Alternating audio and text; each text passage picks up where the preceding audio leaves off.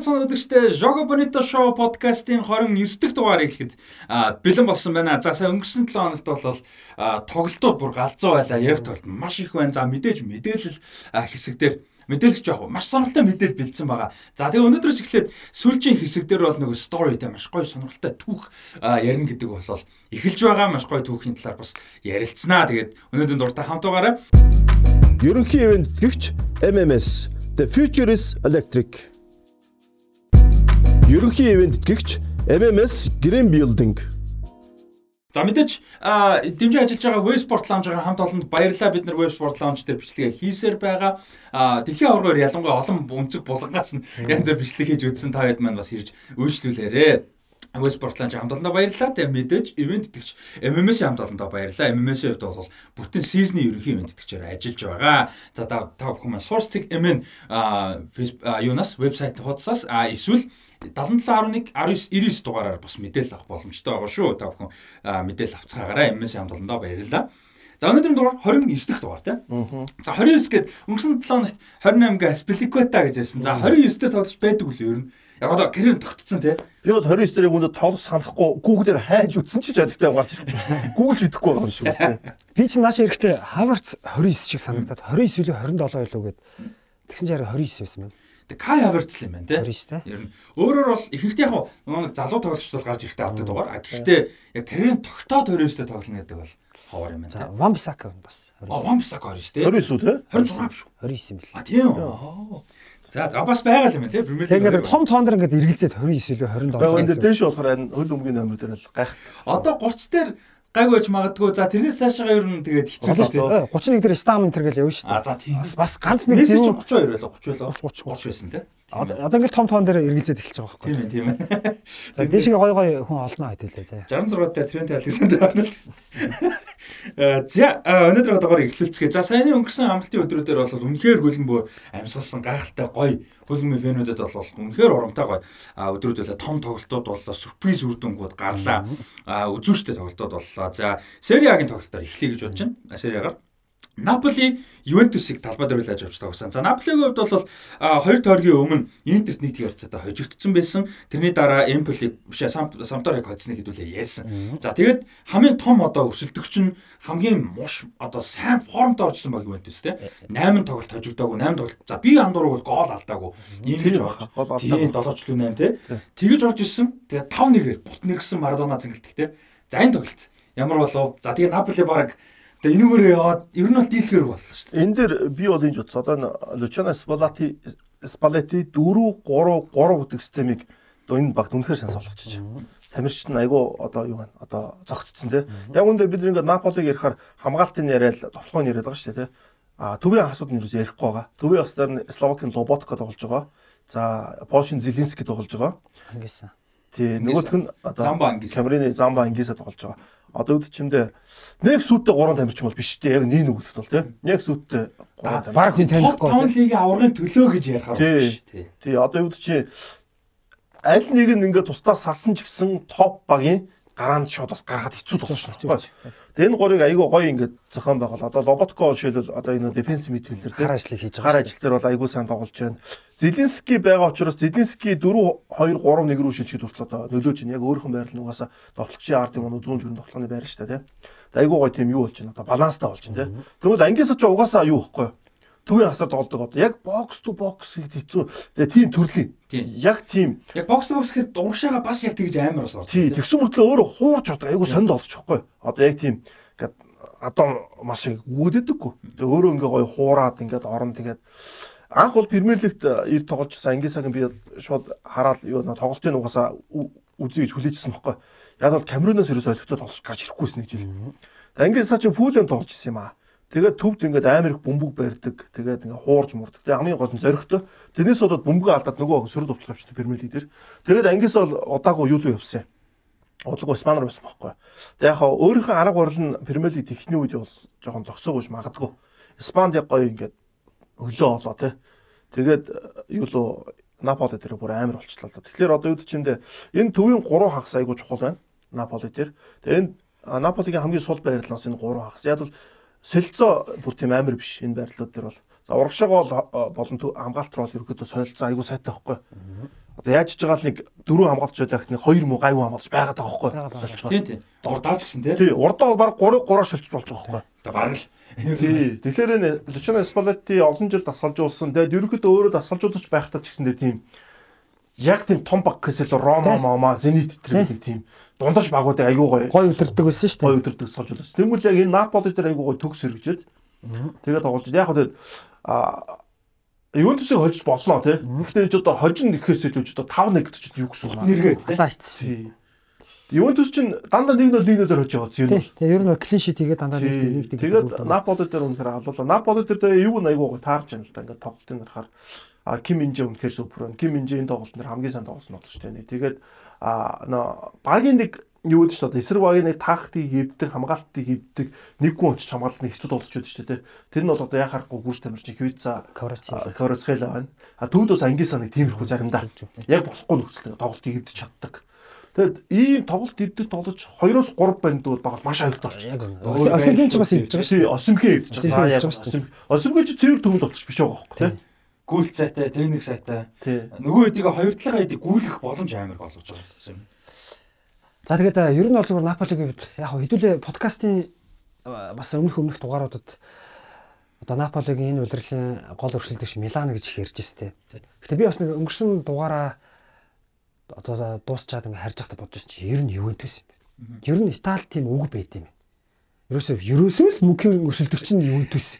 Одоо ингээ байгаа одоо Милан ч юм уу Интер ч юм уу Рома биш ээ. Орж гараад байдаг, тийм. Угаасаа л мөнхийн лидер мөнхийн өрсөлдөгч Хамгийн олон дөрөс нь угаасаа Ювентус шүү дээ. тасархаа олон төрүүлсэн шүү дээ. Энэ удаагийн энэ удирдлагч гэсэн ер нь Ювентус чимээг байж байгаад их хүчтэй гарч ирсэн. За Наполигийн хувьд бол сэтгэл зүй бол дэндүү сайн. Наполи одоо хоёр тойргийн юм Интерт хожигдсон тэр хожигдол нь баг сэтгэл зүй сайтай багч нь тэр хожигдлогоо баг ингээд даваа тал болгоод ашиглаж байгаа байхгүй. Одоо дахиж хожигдохгүй юм шүү. Ер нь болдоггүй юм байх шүү гэдэг ойлголт авч байгаа. Сэтгэл зүй муутай багч нь тэр одоо жишээ Наполигийн оронд өөр сэтгэл зүй муутай байсан бол Интерт хожигдоод Сампдорит нэг тэнцээд ч юм одоо Ювентус хожигдоод ингээд тэргүүлээ алдуул алдсан шүү дээ. Гэтэл ерөөсөө тийм байхгүй. Заягийн хэлдгээр ер нь бас нэг тийм тийм задгаа хуваараа тоглолтыг шийдэх чадвартай тийм тоглогч Наполид үнэхээр байгаа юм байна. Ювентуст бол тийм тоглогч за Кеса ирсэн ч гэсэн нэг бусд нэг яг тийм биш байна л да. Яг ганцаар ингээд тоглолтыг шийдэх э, чадахгүй л байна л да. Тэгээд бол яхаарахгүй. Тэгээд тэгээд Наполиг өвч гэсэн одоо нэг Ювентустыг нэг хожиг гэдэг юм бас байна уу гэж надад харагдсан. Ер нь бол хамгийн их даруулсан маань Ювентус шүү дээ бас тий. Наполид Ювентус тавчтай. За тэгээд энд ийм байна. Кварацелла бол энэ удирдлагын 20 тоглолтод 9 гол хийгээд 12 голын дамжуулалт өгсөн байна. За Осимхэн бол 17 тоглолтод гимтэлтэй байсан шүү дээ. 13 гол хийгээд 4 ассист өгсөн гэсэн. Мундаг үзүүлэлттэй байна. ассисттэй тэгээд тоглолтонд их ач холбогдолтой. За тэгээд энэ удирдлагт ингэж юм. Одоо ингээ Европын топ лигүүдэд э, клубүүдээс нэг тоглолтод э, дунджаар хэдэн он авч ийн гэхээр Наполи 2.6 он авч байгаа юм. Том үзүүлэлт. За Парис Парис 2.6, Арсенал 2.6, Барса 2.5, Реал 2.4, Байерн 2.3, Сити 2.2 гэдэг. А тэнгууд эдгээр ингээд цалингийн тооцоод үсгэр хамгийн бага нь Наполи 68 сая еврогийн цалинтай. Дунджаар. Одоо тийм дунджаар. А тэнгууд Парис нь 386 ачиж байгаа шиг. Арсенал 95, Барса 317, Реал 278, Байерн 264, Сити 182. Одоо ингээд ийм асар бага төсвөр бага цалингаар маш сайн баг бүрдүүлсэн, маш аюултай баг бүрдүүлсэн гэдгийг л нотлох нотлохоо бол энэ байна да. Арсенал Наполи яг гоё Аа, тийм. Харин тийм Арсенал гоё байгаа. Одоо Ювентус ч сая энэ тоглолтын өмнө яг өнгөрсөн талаар хэдүүл ярьжсан. 17 тоглолтод 7хон гол алдсан. Тэгээ Европын топ 5 лигт ингээ гол алдсанараа одоо авын баг алдсанараа хоёрт явж байна гэж ярьжсэн багийн хаална. Одоо ингээ 4 гол, 5 гол. Би бол Наполиг Арсеналаас илүү одоо төрүүлэх магадлал өндөртэй гэж харж байгаа шүү дээ. Энэ бол Арсенал бол угаасаа өрсөлдөө эвгүй байхгүй. А Наполи гол нь яагаад гэвэл за нэгдүгээр Италийн лигийн багуудынх нь мэдээж чансаа жоохон одоо орон гарan байгаа шүү дээ. Наполигийн бүрэлдэхүүн Арсенал хамаагүй зузаан байхгүй. Хамаагүй. Хамаагүй зузаан. Арсенал яг үндэ одоо ингээд Одегард юм уу Сака гимч юм уу эвгүй байхгүй. Яаж хэрнээ Габриэл Жесүн Ингээд бас гоё ажиллаад байна тийм. Ингээд бас сайн байна тий. Сайн байна тий. Тэгэхээр би Наполиг бол энэ жил угаасаа Итали төрөш. Одоо Наполи ч аврагын лиг бужигнуулаа шүү. Аврагын лиг Наполи ч цосгоо эвгүй шүү дээ. Аврал лигт бол нэлээд цаашаа явах бас юутай боломжтой юутай байгаа шүү дээ. Учраатай байгаа шүү дээ тий. Би бол Наполи нэлээд потенциалтай энэ жил дөрөнгөөр хөлөө ураг орон шүү гэж бодож шахс шиг шиг. За шүгэн 8-д яах нь вэ те? За 16-ыг давчих واخа. 16 бол Антракт Франкфурттай байгаа. Тэр Наполи энэ формоор давчих واخ. Энэ ирээрээ давчих واخ. А шүгэн 8 зүгээр э, юутай тарах нь те? За юутэйс таарсан тоглоно. Бенфика юутай байгаа лээ. Брүг. Брүг. Бенфика хожоо гарч ирээд 8-та Наполи жишээ тарлаа гэхэд бол Наполи баг асуудалгүй баг байна шүү дээ. Наполигийн хувьд бараг томтой таарсан. Томтой. Аа томтой дээр биш. Баг илүү тоглоно гэж байна. Яг бол том багууд чи өөрөө довтлдог довтлдог баг эсрэг чи Наполи буцаад довтлоход амраа байгаа байхгүй. Тийм тий. Наполи довтлог багийн эсрэг бол зэм тоглох юм байна тий. А? Довтлог багийн эсрэг гоё тоглох юм. А Бенфика ч довтлдог баг шүү дээ. Гэхдээ ер нь бол тэ нэг тийм хамгаалал Тийм хамгаалах хамгаалахгүй. Өрөлдөө ажихгүй. Одоо ер нь бол тэгтээ нэг хамгаалдаг баг баг болчихно дөө. Одоо энэ хамгаалдаг. Одоо хамгаалдаг арга барилж байгаа. Хоцрогдоод шүү. Нөгөө гомгон төлөө тоглож байгаа багууд л тэгж тоглож байгаа шүү дээ тий. Түүнээс ихэнх нь ялангуяа ийм хэмжээний аврагууд илэг дээр бол. За одоо шийдэл юу вэ? Жижиг багууд бол яг Япон Япон бол үнээр хамгаалж байгаа шүү дээ ямар Тийм. тий. Тэнгүүд том багууд бол одоо ихэнх нь хамгаалгаа болж байна. Урд нь хамгаалдаг баг зөндөө өссөн шүү дээ. Одоо на Италич ч Европ яваар орж хамгаалдаг батал орж ирж шүү. бүрдгүүнч тэгж тоглоход бас боломжтой болж хувирж шүү дээ. Одоо нөгөө системийн дагуу бас өөрчлөгдөд байна л дээ. Залуу тоглогчдын бэлтгэл, тактик нь өөрчлөгдөд. Тэгээ гарч ирж байгаа тоглогчд нь хамгаалах биш тоглооны хөлбөмбөгийн хүмүүс гарч ирээд идэг болчихлоо. За Сериагийн хувьд бол э, юу яаж ингээ Наполи Ювентусыг хожлоо. Лече талбай дээр юг э, Миланыг хүлээж аваад 2-2-оор тэнцснээр юу яаж байгаа юм? Милан 2-т ороод ирж байгаа. Ювентус хожигдоо 3 руу унсан. За Интер бол цаана Хелас Вероног хоцсон. 8 оноо зөрөө Наполи нөгөөдөөсөө. За тийм баг шүү. Аа 9 оноо юм байна. 9 оноо. Миланоос 9 оноо юм зөрүүтэй болж байгаа юм байна. 47 38 оноо. За Милан ч 9 оноо 3 юу гэж амар дээ. Хүү. За Милан яванда Ювентуст гүйцэхнэ. Тэгээ Ювентус бараг яачих та. Тэгээ Ювентус их сонинтэй одоо нөгөө нэг удирдлага загсаглалын хэдүүлээ зөндөө ярьсан бүр шүүх мөх гэдэг нэлээд олон асуудалтай байгаа юм байна шүү дээ. Айгуу олон залуу тоглогчдын 8 8 дээр асуудал гарсан. Хоёр тусдаа одоо инвестигейшн явж байгаа юм билээ бүр. Аа нэг нь тэр нөгөө хөл бөмбөгийн санхүү манхүү хариуцдаг байгууллага Италийн а нөгөөх нь болохоор бүр ингээ шүүхийн байгууллагаас хоёр юм явж байгаа юм билээ. Итали гашрахгүй юм те. Ювентуст бол нэлээд тийм том асуудал байгаа юм билээ тэгээ. Италийн ч засаглч угаас юу юм гэлж шүү нэг. Засагт нь угаас нэг мафтер айгүйх тогтдог байсан шүү дээ. Бүр дээр үсэ те. Тэнгүүтээ тэр Италийн юу ч айгүй сонирхолтой. Одоо сонирхолтой ч те. Уншиж байгаа над сонирхолтой амьдэрж байгаа бол сонирхолтой биш л те. Тэгвэл нөө Муссолини дээр чинь гарч ирээд нэг юу яаж байгаа шүү дээ нэг тийм. Одоо фашизм те. Фашизм, фашизм гарч фашизм гэдэг чинь өөрөө коммунизмын жоохон тийм одоо Экстрим тийм экстрим хөлбөр нөхгүй яг үн те. Яг үн экстрим хөлбөр. Тэнгүүд Италич угаасаа юу байт юм дэр. Өмнөд хэсэг нь юу үржил юм айгу багтай байл да тэр Сицил мицил юм ч яг манахаас бол илүү заяа. Яг Италида юу юм. Тэнгүүд тэр хэсэгт нь яадаг хөтөр тим газар ч угаасаа ингээд мафууд оршин тогтнох ч юм уу ингээд амжилттай ажиллах боломж бүрддэг.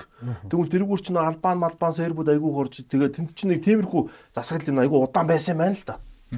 Тэгээд тэр засаглалаа ингээд алдаж малтахгүй байгаад. Тэгээ одоо ингээд бодохоор Наполи төрүүлэнд ч айгу нөгөө талаар Италийн өмнөд хэсгээс ерөөсө хамгийн сүүл төрүүлсэн байгаа нь ямар юм. Рома Рома Лацио 91 нь л төрүүлсэн багт 2001 Лацио 2000, Рома 2001. тий. Тэгэхээр 2001 л байгаа юм шүү. Тэрнээс хойш төрүүлээгүй шүү. Тэгээд тэгээд нөгөө хэд Тий, төрүүлсэн. нөгөө гурав ч нь л илчиж байгаа шүү. Тэгэхээр ерөнхийдөө Италийн хойд хэсэгч одоо Альфин урууны ингэр байгаа шүү. Тэр хэсгээс л дандаа хургууд хараад. Тэр инквит. Мап гэснээс. Одоо ингээ Наполи гоё төрүүлчихдэг. Пу пакс ч хитэн жилийн дараа ингээд юу гарч ирэх үед. Наполи дээр гайгүй юм шүү одоо харахаар. яа асуудал байхгүй байгаа гэж. чи. Бодлоо мөнгөд байгаа. Шүүг Мафод бас харин Наполи төгж болно шүү дээ. Одоо юу гэдэг нь Италич нөгөө бет мет бүр амар хөгжсөн байдаг шүү дээ. Зөв Ювентусыг төрүүлнэ гээд одоо хүмүүс яг бол байдаг юм байлгүйтэй бодвол би бол бет сайн мэдэхгүй л дээ. А тэгтээ тэнгууд одоо жишээ нэг гэтээ бүр хитрхи доороос нэг баг оруулаад ирэх гэхээр бас арай болохгүй те. Тэгвэл хамгийн тохиромжтой нь Наполи ч юм уу те. Дэггүй хоо Тийм Наполи ч юм тохиолдолтой зөндөө Асуудалгүй байгаасаа тий. Байгаас. Яг тэгвэл а, ямар нэг асуудалтай байсан бол амар хайран болох гэдэг байхгүй ийм амар гоё форум. Бид нар ягаад ирж яриад энэ Итали тэр ийм асуудал зөндөө хөндөгдөг те. тий нөгөө нэг Италийн Сицилийн том мафийн том босс сая баривчлагдсан шүү дээ 2 өдрийн өмнө. 30 жил цухтаас нөхөр. 92 онд мафийн эсрэг хоёр том шүүгчийг алаад алга хийгээд тэгээд 93 оноос хойш цухтааж исэн нөхөр сая 30 жил цухтааж агаад баригдсан. Тэгээд баригдахдаа Палермод л байсан юм бэл. Ерөөсөө яваагүй шүү дээ. Их өн дээрээ баригдсан ба шүү дээ. Тэгээд 60 хэд настай гайгүй. Ерөөсөө 30 эддэгээс цухтаасан юм бэл. Тэгээд Итали тэрийг барьсан гэдэг. Тэгээд тэр чинь барих гэж бөө юм болсон гэдэг. Нөгөө хүмүүс мэдээлэл өгдөг. Нуугаад байдаг. Тэр чинь нутгийн юуч угаас юм. Тийм бүгдээ мөнгө авдаг, мөнгө авдаг.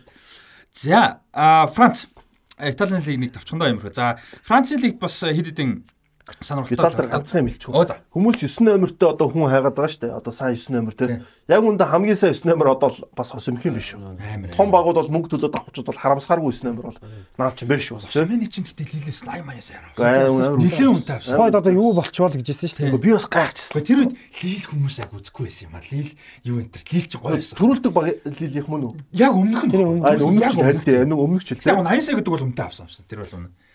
Тэгээ одоо гоё шүү дээ. Яг үнэндээ хурж штэ тий топ класс тоглож байна. Мундаг байна. Тэгээд авлаа одоо хит хүрэх бол хит ч олон жилийн гэрээтэй үнтэй авчижээ. Үнтэй авцгаа. Одоо баг 80 гарах гээд байна шүү дээ. Яг уг нь Тий. арайч 100 гэхэд бас хэцүү л дээ. Одоо нөхцлөөр бол 100 гарах нь шүү дээ. Гэрээ нь удаан. Англи багууд авъя шүү. Англичууд юм Үнэ шүү. аавн л та Симфон бол. Симфон өөрийгөө харуулчихсан шүү дээ хэдэн жил. Премьер лигт авцалтна тий. Авцалтна. Яг гоё болно. Арсенал авах байсан юм шүү ер нь. 80 саяд бол өгөхгүй л. Арсенал 80 саяар авахгүй. За Арсеналын талаар удахгүй ярина. Францыг товчоонд орж идэвлээ. За Францаас онцлог тоглолт гэх юм бол юу яасан байгаа? А Монако Ажаксиог 7-1 хоцсон. Аяч. Ажаксио гэсэн шүү Францаар. Яг Францаар Тэр бол аячаагаас орцсон. Англигээс сурцсан болохоор айгүй юу. Чохер яч Итали болчихлоо да. Хоёр сийг Италиар чигээр чог гэж. Итали юм шүү. Ажаксио гэсэн шүү Францаар ямжсан. Би мэдгүй Францаар тэгсэн шүү. Тэгээд а, юу Парис Сен-Жермен хожигдсан. Сүүлийн 3 тоглолтод ингээ 2 дахь а ямар ч байсан хожигдж байгаа юм байна. За тэгээд ардаас нь нэхэж явж байгаа Ланс Лан Лан гэж уншуу Ланс гэх бах тий. А юу ягаад хожил авснаар 3 онооны тэргүүтэй болж эхэлж байгаа Парис. Англиараа тэгээ ленс гэж бичдэг наач. Тэгээ ленс гэж бичдэг шүү дээ. Тэгээд бодвол одоо Лан Ланс. Бид нар бас ланс гэдэг нэг Оросоос л юм харж ирсэн хүмүүс ч одоо Тэгээ Ланс гэх бах та одоо бодвол тэгэл. Францын өнөөдөр тэр нь жоохон хэцүү тий. Франц хүүхдүүд Харин яг зөв байхгүй. За Стадер энд хожигдсон. Парис Сен-Жермен. За Парис бол юу байна? Парис бол яг юу байсан? Одоо дасгалжуулагч нь жоохон барьцаалж эхэлж байна. Яг тэгэхээр дэлхийн аврах шалралт тэмцээний дараа сизон дахиад эхлэнгүүт барьцаалдаад эхэлж байгаа. Тэгээ Парисаас ч олон тоглогч явсан. Парисын тоглогч нар бүгд ихэнх нь Финал руу. За нэг их сони юм болсон байна. Юу вэ гэхээр дэлхийн аврах шалруулах тэмцээнд төрүүлээд ирсэн тоглогч болгонд клубүүд нь хот нь хүндэтгэл үзүүлж байгаа Тий. тий. Одоо жишээлбэл Севиагийн 3 Аргентин 3-т ингээд одоо сая Макалистерт Брайтон хүндэтгэл үзүүлсэн шүү бүр амар дээ. Гэсэн ч юм шүү дээ. Парис Мессид хүндэтгэл үзүүлэв. Мессид хүндэтгэл үзүүлэв юм. Бага бүрэлдэхүүн багийнхан л өрүүлсэн. Гэтэ хот гэдэг утгаараа сүтэн баг. Клуб нь хүндэтгэл үзүүлэв юм. Тийм үү? Тэр зураг байгаагүй юу? Бүгдээр ингээд хоёр талын зогссон. Тэр бол Тийм үү? зүгээр л зүгээр л одоо яг нэг тийм клубын зүгээс зохиосон тийм байгаагүй Аа гэж. зүгүүд аа. тамирчин та ярьж байгаа зан Тий. нэг чиг. Тийм албан ёсны юм байгаагүй гэж. Энийг одоо хүмүүс айгүй их бас юу яаж. А тэнгуүтэй нэг Парис үзүүлэхгүй байх нь аргагүй. Яг тэгвэл дэлхийн аврах шалралт тэмцээний финал тоглосон, өөдөөс нь тоглосон улсын нийслэлийн гол баг үзүүлэхгүй гэдэг зүйл бол байна. За тэгээд одоо ингэсэн байна. Одоо на Парис чинь асуудал бас дахиад хурцсан байна.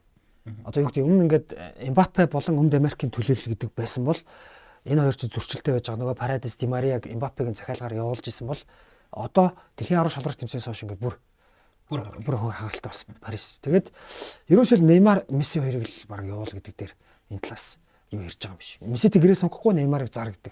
Ер нь тэгээд энэ клуб чинь гаднаа ингэж харагдаж байгаа бол дотроо ингээд юу байх биш. Харин Мессиг гэн явж магадгүй гэж Манчестер Сити одоо стил сонирхож байгаа нэг юмуд гарцсан байлээ. Нөгөө нэг Аал Насрын нөгөө Аал Хилал юу тийм. Нөгөө Тэр хоёр ч бас ингээд Нөгөө яам үзүүлэгч нь, мэддэг. Баах юмуд гарцдээ би гайхацсан. Одоо Мессити гэрээгээ сонгохгүй юм бах таа шүү дээ. Тэгсэн чи тийм юутай юм байна л та. Анх нөгөө юу юу яаж хахад нэг ганц хоёр уншиж хахад анх Эмбапег анх очиход айгүй их ялгарладаг байсан гэж ярьж. Яг арьс хүндэр бол биш зүгээр нөгөө мань үнэ чинь нинжа төртөл мөртлөө. Тэгээ нөгөө Кавани Маваны өмнөд Америкууд их байдаг. Тэгээ тэд нар чинь манай хүн чи 17 8 та хүүхэд очсон. Испанил Тий, мэдхгүй. Спайл мэдгүй латинууд их тэнгүүд тэд нар ч том. Тэгээ 30-д гарсан марцсан карьер мундаг. Тэгээ ингээд Эмбапег чи нөгөө нэг ни- нинжа төртөл мөртөл юу хийгээл нөгөө хувцсалдаг өрөө мөрөө дусмас асах тоглоо. Яг уул нь муу юм санаагүй. Тэгээ тэрэнд нь ингээд болдгоо тэгэд тэрнээс ч болж бүр Леонардо дээр ээж нь очижсэн гэж байна. Ингээд миний хүүхдийг ингээд байна аа гэж. Тэгээд тэрнээс ч болоод бас нөгөө Перец Перец биш Ди Мария хин энэ чи Кавани энэ яваад. Тэгээ одоо бол Эмбапе ч насанд бас ингээд хүрсэн том болчлоо. Өөрөө ус шазруун шүү Тэгээ өөрөө ч шазруун тэгээ том амбицтай. Аа тэгээ бүрэлдэхүүн ер нь өмнөд Америк цөөхөн болсон. Одоо ер нь нэлээд цөөхөн. Тэгээ ер нь бол хувцсалх өрөөний уур амьсгал бол ер нь тэр талдаа. А тэгээ Францад мэдээж Мбаппе байх нь ач холбогдол маш өндөр болсон. Франц бол Парис Сен-Жермен тийм бол яригдчихсэн. А тэгээ сая тэр нэг Францын нэг комментатор байт юм байна. Одоо аналист комментатор те а Францд л гоод юм байлээ л дээ. Тоглогч бол байгаагүй. Тэгээ тэр тэгсэн чинь ярьсан байлээ. Бүр амар хатуул хэлсэн байлээ л дээ. Одоо энэ Неймар яа Мессиг бол би яриаггүй. Неймар ярьсан юмс. Неймар явуулах хэрэгтэй. Одоо бол би бол тийм хөлбөмбөгийн түүхэнд хамгийн үнэтэй фейлер Неймар гэж хэлсэн маа. Тэр хүн өөр. Тэгэнгүүтээ яагаад гэж юм гэхээр дэлхийн аврах хүртэл дэлхийн аврахтай болохоор амар формтой гоё юмаа одоо гаргаж те тоглож байснаа ирээд жок те ирэл дэлхийн авраг дуслаа битүү партид чинь бэлтгэл хийхгүй байна. Тоглолтын дээр бүхнээ гаргахгүй те Неймар бол одоо үнэ үнэ үнэ. Неймар угаасаа Парис Сен-Жермэнд ирээд байнга гимтдэг. Албаар гимтдэг юм өсөлдөө бүр юу гарцсан байсан шүү дээ. Дүүгийнхэн зүүд нь аврагууд лигийн 2 сарын ихээр яг тэгдэг. 3 сарчлаа 2 сар. 2 сарын дундуур чөлөөний 22 чөлөө бүр тийм. Тэр хавцаа тий. Тэгэл яг гинтэл Бресэл явдаг тий. Тэгээд наа чи ингэдэг ингэдэг бүр тэр чин бол би анх одоо арайч тийхгүй дэг сүулдэ бас Неймар ч өөр яг үндэ Неймарт асуудал явуулах хэрэгтэй юм дэ. Жил болгон тэгээд байгаа тий. Одоо Неймарыг хараад юм гарахгүй нь ойлгомжтой болчихлоо шүү дээ. Ер нь багийн лидер биш гэдэг нь угаасаа ойлгомжтой. Багийн хоёр номерод нь ойлгомжтой шүү дээ. Одоо одоо бол 3. Тийм, Месси, Роналдо, Эмбапе 3 шиг ингээд жигдтэй бүтэн өдрөл тоглож чаддаг. Хүмүүсийг өдөрдөж чаддаг. Яг тоглолт нь сайн. Нямарт бол марах юм баггүй. Гэхдээ тэр хүний нэг харизма буюу хүн өдөрдөх чадвар шнэ. Тэр юм бол айгүй муу. Тэр тэр төвчнөр бол энэ гурийн бол хаан чурахгүй юм л. Авиас л байна. Авиас бол байна. Авиас. Авиас хотоо 30 ингээ он гараа 31 хүрч ийн хэцүү штэ. Тэ. Тэгээд Неймарыг бол авъя гэсэн баг байгаа штэ. Одоо байхгүй. Одоо байхгүй. Цалингийн дийлэхгүй. Цалингийн дийлэхгүй. Цалин тийм те. Челси явахгүй юу гэдэг. Тэр цалингийн дийлэхгүй. Одоо Челси одоо бүр яа гэж штэ одоо. Цалин хэцүүлттэй. Хамгийн гол нь цалин хэцүү. Цалин хэцүү. Тэгээд одоо нөгөө нэг э, юу аналист бас тэгсэн байсан. Ингээд хиний Рамос Месси хоёрын гэрээг сунгана гэж яриад байгаа юм. Одоо ингээ 35 6-тай хүмүүсийн гэрээг сунгамаар бол нэг хүмүүсийн лайфтаймаар сунгаж байгаа чинь тэргээ бүр ингээд нилээн ууртай л ерөн тэгсэн бэ лээ. Би бол Мессиг бол ахад хэдэн жил байж бол өөрсөнд нь Месси бол нэг тийм асуудал байхгүй. Асуудалгүй тамирч ш тоглоно бол тий. Тэгээ Мбаппед одоо сая тэгэхээр тэр нөгөө нэг яг бодит үгүйг мэдгүй. Гэхдээ ингээд олон ямыг нийлүүлэхээр тим юм шиг харагдаад байгаа нэг юм байна. Одоо сайн ингэж штэ. Paris Saint-Germain клубээс Мессид албан ёсоор ингээд баяр хүрхүүлээж авах юм бол зөвхөн байгууллага тий. Албан ёсоор. За тэгээд дээрэс нь Өмнөд Америк цөөхөн болж байна. За тэгсэн чинь яг нөгөө нэг тоглогчид нэг юу яасан штэ нэг баяр хүргэсэн бол зураг бол байсан. Тэр бол яг тоглогчид өөрсдөө тэгсэн юм. Тэгсэн чинь яг тэр үеэр ганц байгаагүй хүн Хакими хоёр л байхгүйсэн Мбаппе хоёр. Бусад бүх бүрэлдэхүүнүүд нь тэгээд байсан. Тэгээд тэр хоёр Нью-Йоркт явж байсан. Шоу мооны өөр ингээд өөр юм яваа. NBA-г тоглолцсон явж байсан. Тэгээд NBA-г тоглолт болт үзээ явж байсан. Тэгээд тэрний дараа буцаад пресс руу буцсан. Тэгэхээр ер нь бол Мессиг ирэхэд албаар тэр хоёр байгаагүй гэж хүмүүс яриад. Тэгээд лаач асуудал واخгүй. Асуудал шүү дээ. Яг гоо гэхдээ албаар үгүй мэдгүй шүү зүгээр тэгэж таарж байгаа байхгүй. А ер нь л тэгээд харахад л те. Яа тийм л тоо. Тэгэхээр одоо энэ бүр яг зөвхөн хэдүүлээ буцаад хөл бөмбөгийн талбаар нь ингээ ороход Кристоф Галтиег иймэрхүү бүрэлдэхүүн, иймэрхүү политикстэй ийм эгонууд ийм нөхцөлийг одоо менеж хийж чадах уу гэдэг. Надад чадахгүй асуудал нь болохгүй тийм. Чадахгүй. Надад Зидан л чадна. Зидан л чадсан болж шүү дээ тийм. Галтие чадахгүй. Одоо ингээд өдөрж байгаа хүн чинь гус за энийг нэг илиг өрчих болно даа гэж бодож байгаа шүү зарим гарч юм бол. Неймар эдгээр бол тэгж л байгаа. Неймар ч илиг өрсөөр л ирсэн шүү дээ. Гэтэ Галтигч л дээ ер нь ер нь PSG-ийн Тэр ер нь Зидан яг тохирох юм шүү тий. Зидан юм Симоне тий нөө хэдүүл ярьсан шүү дээ өнгөсөлөө. Симоне Симоне хич арай хатууд наа. Арай хатууд чаа. Симоне Зидан л одоо Зидан өөр өөр сонголт байна. Симоне ч ер нь зодхоос наадах нь идэв шүү дээ. Одоо яг яг эдрийг барих нь чинь Зидан байна. Тийм байна тий. Яг нэг сул тавихтаа тавиад татуулахтаа татуулаад нэг баланс. Тэгээ Зиданы өдөөс идэр ч юм бас хамаагүй юмлж чадахгүй яг үндэ бол. Франц даа том тий. Тий, Франц даа том тэгээд Бид нөө чамаа хэлэхэр чинь болсон Францын хөлбөмбөгийн холбоонд өргөдөлж үгцэг Зиданы чинь айгу яатсан юм биш үү тий. Тэрийг дараа нь ч бас бас арай чигж болохгүй гэж. Тэр бол арай болохгүй байсан байх. Тэр бол заавал тийг ямар шаардлага шаардлага. Тэр бол өстой шал илүү өстой байсан бэл. Тэгээ Барисын жирүүний асуудал ч олон жил явж байна надад Өмнөд Америкуудын тэр нэг хуваагдaltaй Европ төрөөд ер нь юу юм бэ шин. Өмнөд Америкууд тэргийн олноор нэг багт ер нь цоглоод стим юм тийм. Стоп. Ер нь Өмнөд Америкч гэлтгүү. Яг одоо Испани Испанд гайгүй л баг л та нэг хил усан гайгүй болох. Ээ биш биш. Ер нь зөв Өмнөд Америкч гэлтгүү. Ер нь багийг зохион байгуулах нэг бүтэцэгч байт. Хитрхийн нэг юг яаж болох. Ерөөсөө юу хамаагүй те. Ерөөсөө ингээл энд хэний ч олон голгочлог. Ерөөсөө нэг юм баг. Дээрс нь хэлний асуудал. Хоорондоо Испанаар ярьдаг те. Тэгэд хил одоо яг тэрэн дээр тэгээ шашин хил а тэгээ дээрээс нь нас хитрхи одоо эн чинь ингэж байгаа байхгүй Хакими Мбаппер яагаад амар сайн үзсэн нас нь орох Адилхан юм байна. 2 сарын зөрүүтэй. Тийм, тэгэнгүүтээ сонирхол нь адилхан. Одоо тэр хоёр чинь нэг хөгжим сонсон шүү дээ. Месси зээс 35 6 та хүмүүс Мбаппе Хаким хоёроос сонсдог трап рап сонсон. Хоёул Африк гаралтай. Тийм, тэгэнгүүт ч их шал өөр болоо явчихж байгаа. Наад чи хамгийн гол чинь тэр ш нь Ливерпулсэн Райан Бабл явжсэн чинь нөө Эду Вандерсаар Нидерландын шидээр ингээд дуудж мод бол Бабл ингээд дуумаас. Чи ч амар хөгжим сон. Алийн хөгжим чинь сонсож гэсэн. Сонсож чи пум пум пум гэж явчихсан. Чи юу сонсоод байгаа юм бэ? Тэгээд дараа нь яашлах. Би ерөөсөө Райан Баблыг сонсож байгаа хөгжим юу гэрээсээ ойлгохгүй юм да. Юу сонсоод идэг яг тэрнтэй л адилхан. Амар дум зүг. найзууд болоход хэцүү болчих жобайгаа байхгүй. Тэгэхээр бас бүрэлдэхүүн хичнээн баян том хүмүүсээс ч гэсэн зүрлээ бас ингээ бүрэлдэхүүн chemistry амар тогтох хэрэгтэй шүү дээ уур амьсгал тий. Нэг сонирхолтой байдаг бас айгуу чухал. Парис Сен-Жермен тэгээд одоо Неймар дээр тулгуурлаад нэг гоё төвийн хагас авчраасаа тийм нэг том лаг тий. Неймар дээр тулгуурлаа. Үгүй Неймар гэн Эмбапе дээр тулгуурлаа. Неймар гэж- дотор Эмбапе бодож байгаа гадлаа Неймар гэлжтэй. Эмбапе дээр тулгуурлаад гоё төвийн хагас одоо ингээд төвийн хагасууд нь би жоохон голодоод нөгөө шараад байгаа тоглолтын дээр бас яг тийм араас нь босдог. Төвийн хагас төвийн хамгаалагч хоёр том байх талбай дээр болон талбайн гаднаас айгүй юу гэдэг вэ? Айгүй чухал нөлөө- үзүүлдэг. Яг бол тэр чинь бас нэг араас нь тоглолтыг өдөрж байгаа болох ингээд араас нь хилдэг. Тулгуурахгүй. Тулгуур дээр загимж маг ингээд хэлж байгаа юм чи өргөдөө бас нэг жоохон ийм ийм гэдэг харилцаанд их олон ордог. Ялч уртлагаа гурав дээр хитрхээ суйрлаад байгаа учраас төвийн хагасууд нь илүү зүгээр нөгөө ажил хар ажил гэж ярьдаг шүү дээ. Тийм төвийн хагасууд болчиход байна да. Яг тийм. Ихэнх нөхцөл. Тэгээ нөгөө эгон таарахгүй л дээ. Том хүн аваад ирэхээр. Тэгээ бас яг тийм бас. Одоо чинь Неймар, Месси хоёрын нэг нь явлаа гэж бодоход төвийн хагас нь нэг арай жоохон том байл бас нэг болох гэдэг байхгүй тий. Жоохон креатив. Ер нь бол Неймарыг явуулаад Месси, Эмбапе хоёр дээр сайн жигүүр зөндөө байгаа шүү дээ. Тэр хоёрын хажууд тоглолчих тий. Одоо сая энэ юуны хажууд тоглолт тэр одоо Хулиан Алварес шиг, Макалистер шиг тий. Тим нөхдөд зөндөө байгаа шүү дээ. Тиймэрхүү нөхдөд авчиж болж байгаа байхгүй Мессиг хажууд тоглох шиг. Тэрэндээ Францаас олдон дөө тийм тоглогч нар. За ингээд ер нь бол Paris Saint-Germain ивлэ Bayern München дагаа тий Champions League тий. Эхний том уучраа надад тэр тий. Шалгуур. Тэр тоглолтын дээр одоо ямар болох нь харцгаая. За а Францын лиг дээр нэг хэцүү байгаа. Яг нь бусад тоглолтын нэг онцоосонгүй. За Премьер лигийн тоглолтуудаа ярилцгаая. Олон тоглолт байгаа. Манчестерийн дерби. Manchester is red болсон. Манчестер улаан боллоо. Манчестер Юнайтед маш мундаг формтой ирсэн. Ситиг 2-1 харьцаатай буулгаж авсан. За энэ тоглолтын агуулга за нөгөө офсайдыг бол удахгүй ярина. Гэхдээ ер нь агуулгын хувьд тоглолтын тактикийн хувьд ямар хөө тоглолт болов? За би өнгөрсөн 7 хоногт хэлжсэн да. Дэлхийн аврал шалруулах тэмцээний амралтыг бол хамгийн сайн ашигласан байг л. Угаасаа Манчестер Юнайтед хамгийн сайн ажилласан менежер бол Эрик Тен Хаг байсан. Яг тэр л гарч байна. Тоглолтын хувьд бол юу басан? Санал хийж байна ч та. Тоглолтын хувьд бол Манчестер яг Ситиг эсрэг яг нэг Таг айгүй мундаг тактик мэржилтэй юм байна. Аа юун дээр довтлооны байрал дээр Бруно Фернандес шиг баруун зүгүр хагасаар тавьж өгöd. Тэгээд Эриксний голт. Эрикснийг гол тавьж өгöd. Гэхдээ яг довтлооны гэхээс хэцүүтэй жоохон хамгаалах чиглэл маягт одоо Казамир Хамгаалдаг 10 гэх юм. Тэг хамгаалах Хагас ч гэх юм. Тий, одоо нэг тиймэрхүү үнэтэй. Тэгээд э, Бруно Фернандесийг тэгж баруун руу тавьж өгснөөр Бруно Фернандес хамгаалтанд айгүй сайн тусалсан. Тэгээд бүр өөрөө ингээд яг өөрийнх нь байрлал алхах бүр гүйжсэн. Тэгээд төвд хүний илүү гаргаж өгöd Ситигийн тэр төвөөрний тоглолдог, эзэрхийлдэг тэр юм байхгүй болц. Тэгээд Казем Каземирогийн тэр тоглолт уншдаг. Одоо Сити шилэл жигүүрт яг үндэ ингээд тоглож чадаагүй.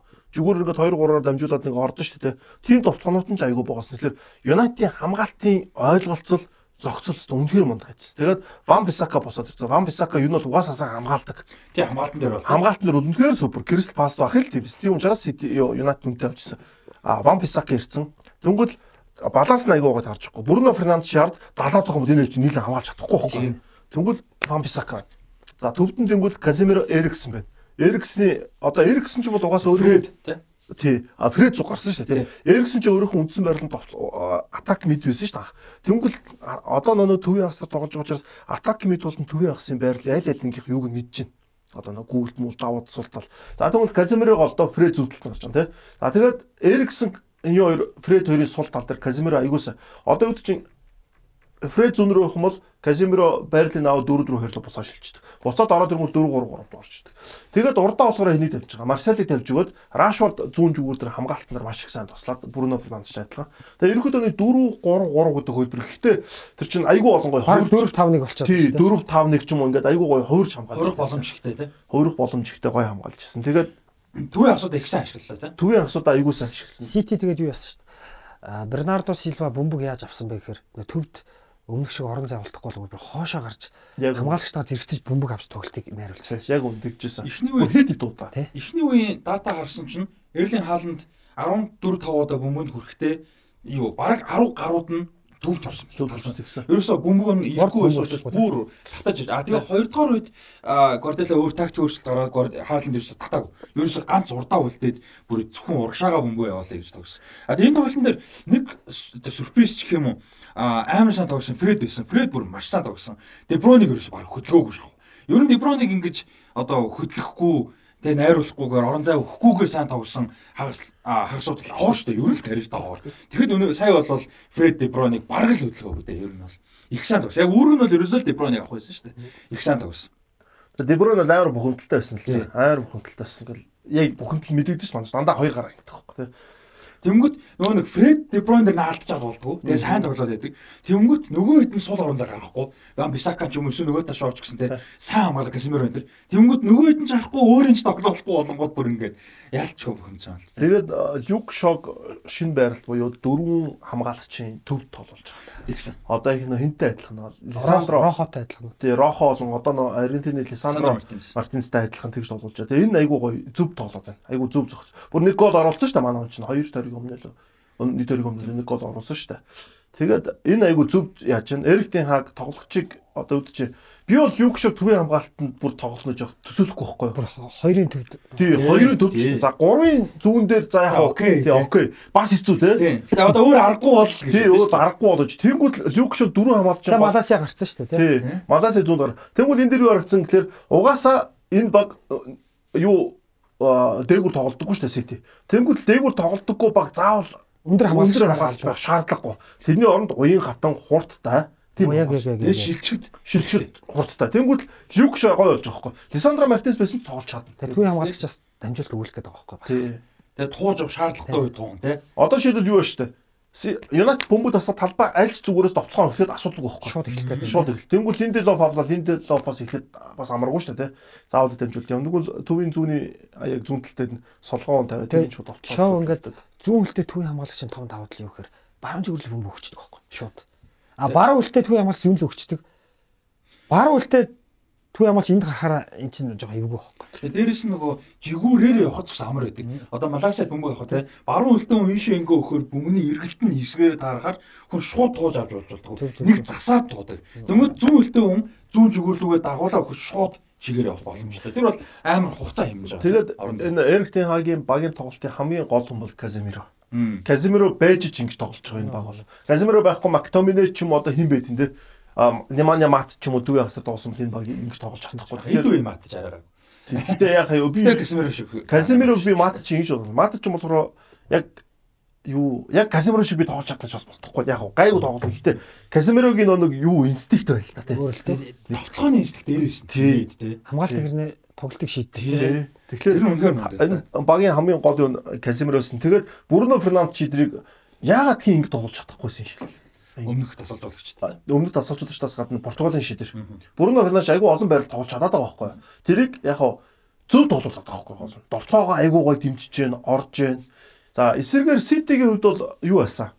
Юу нь бол төвийн австраа алуулангууд Сити төвийн австраа хилээж адуулж төвийн австраа алуулангууд Сити тоглолт уусаа нурдагт шууд харагдчихлаа. Тэгээд ерөөсөө Яг Сити ихний голыг хийж байгаа юм л да. Тэг Бройн дамжуулж байгаа шүү дээ, тий. Хин Грилиш. Грилиш орж ирээд сэлгээр орж ирээд сэлгээр орж ирээд мөрөгдөг. Тэгээд дараа нь одоо тэгвэл отон руу орох гэж байна. Ярих уу? Тий, тий, тий. Хамгийн нь байна шүү дээ. Хамгийн гол ер нь гол гол шийдчихлээ. Тэнгүүл нөө юуны гол чинь отон тоглолтоос орсон шүү дээ. А яг энэ дээр бол амар компликейт асууд манай юу үзэх сонсогч байгаа хүмүүс сайн мэдж байгаа тий.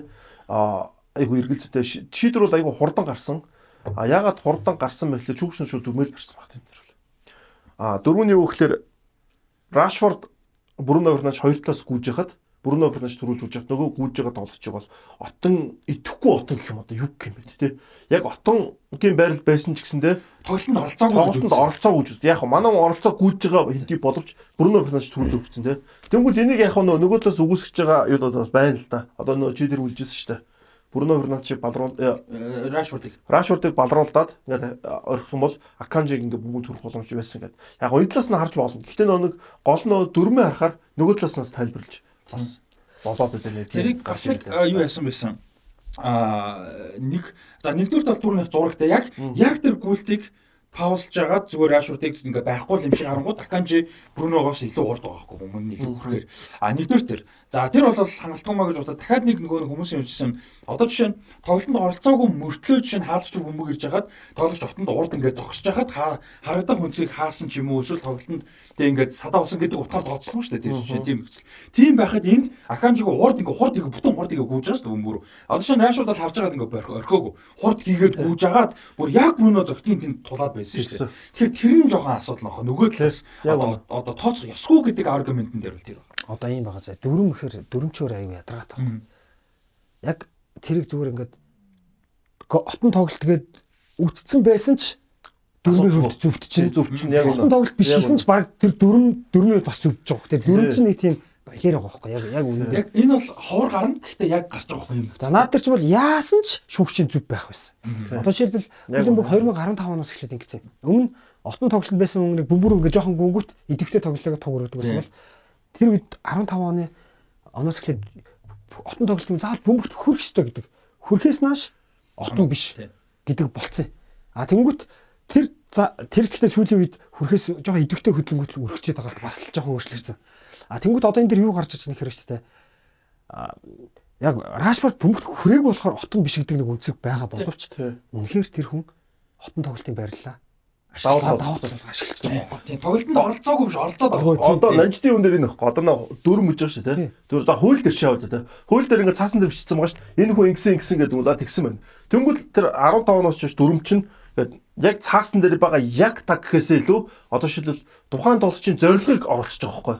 Тэнгүүл субжектив юм аа. Тий, одоо зориг ч юм уу одоо бол тэр зорилгыг шүүгч өөр хүн зэрэг харж байгаа байхгүй.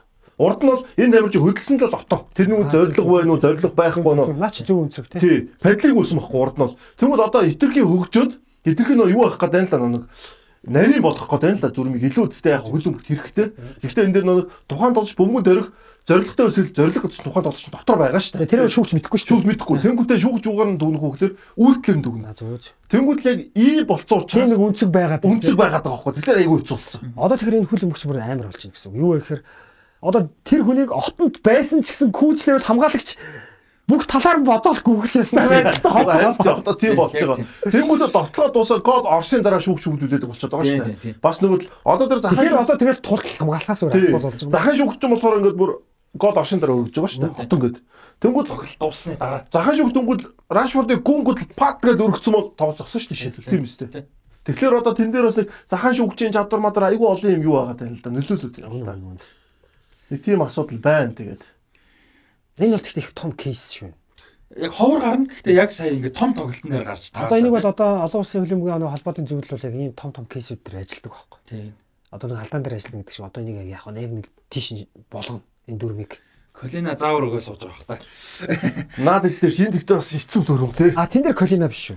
Колина ч олон улсын хөлбөмбөгийн холбооны шүүгчдийн зөвлөл. А шүүгчдийн зөвлөл. А олон улсын хөлбөмбөгийн холбоотой зөвлөл гэж дөрмийг баталдаг тустай том байгууллага. За а тэгээ саний голыг бол Фернандеш оруулсан. За энэс 2 минутын дараа биш 4 минутын дараа уучлаарай. Рашфорд хиний дамжуулалтаар Алехандро Гарначогийн дамжуулалтаар голыг оруулсан. Тэгээ энэ дэр нөгөө Ситиг ярьжсэн ингээд юунаас хойш Guardiola-гийн City мэдээж олон жил мундаг амжилт үзүүлж байгаа. А гэхдээ үе үе дандаа том тоглолтын дээр нэг алдахаараа маш олон гол шууд алддаг. Энэ бол бүр маш олон удаа юм. Тийм бол болдог. Tottenham дээр тэгсэн, Real дээр тэгсэн. За одоо United City дуудаа тэгсэн шүү дээ. Хоёр тэгэр хожиж байгаа United 3-2 хожигдчихдаг байсан шүү дээ. Тэгэхээр яг Guardiola-гийн City бол ингээд том тоглолтод нэг замбраага алтахаар тэр чигээр алдаг гэсэн юм байна. Одоо нөө довтлон дээр Guardiola-гийн баг төсөл хийдэг сэтгэл зүй цаатаа тамирчин байдгүй гэж наа. Нэг наач юм бохгүй тий.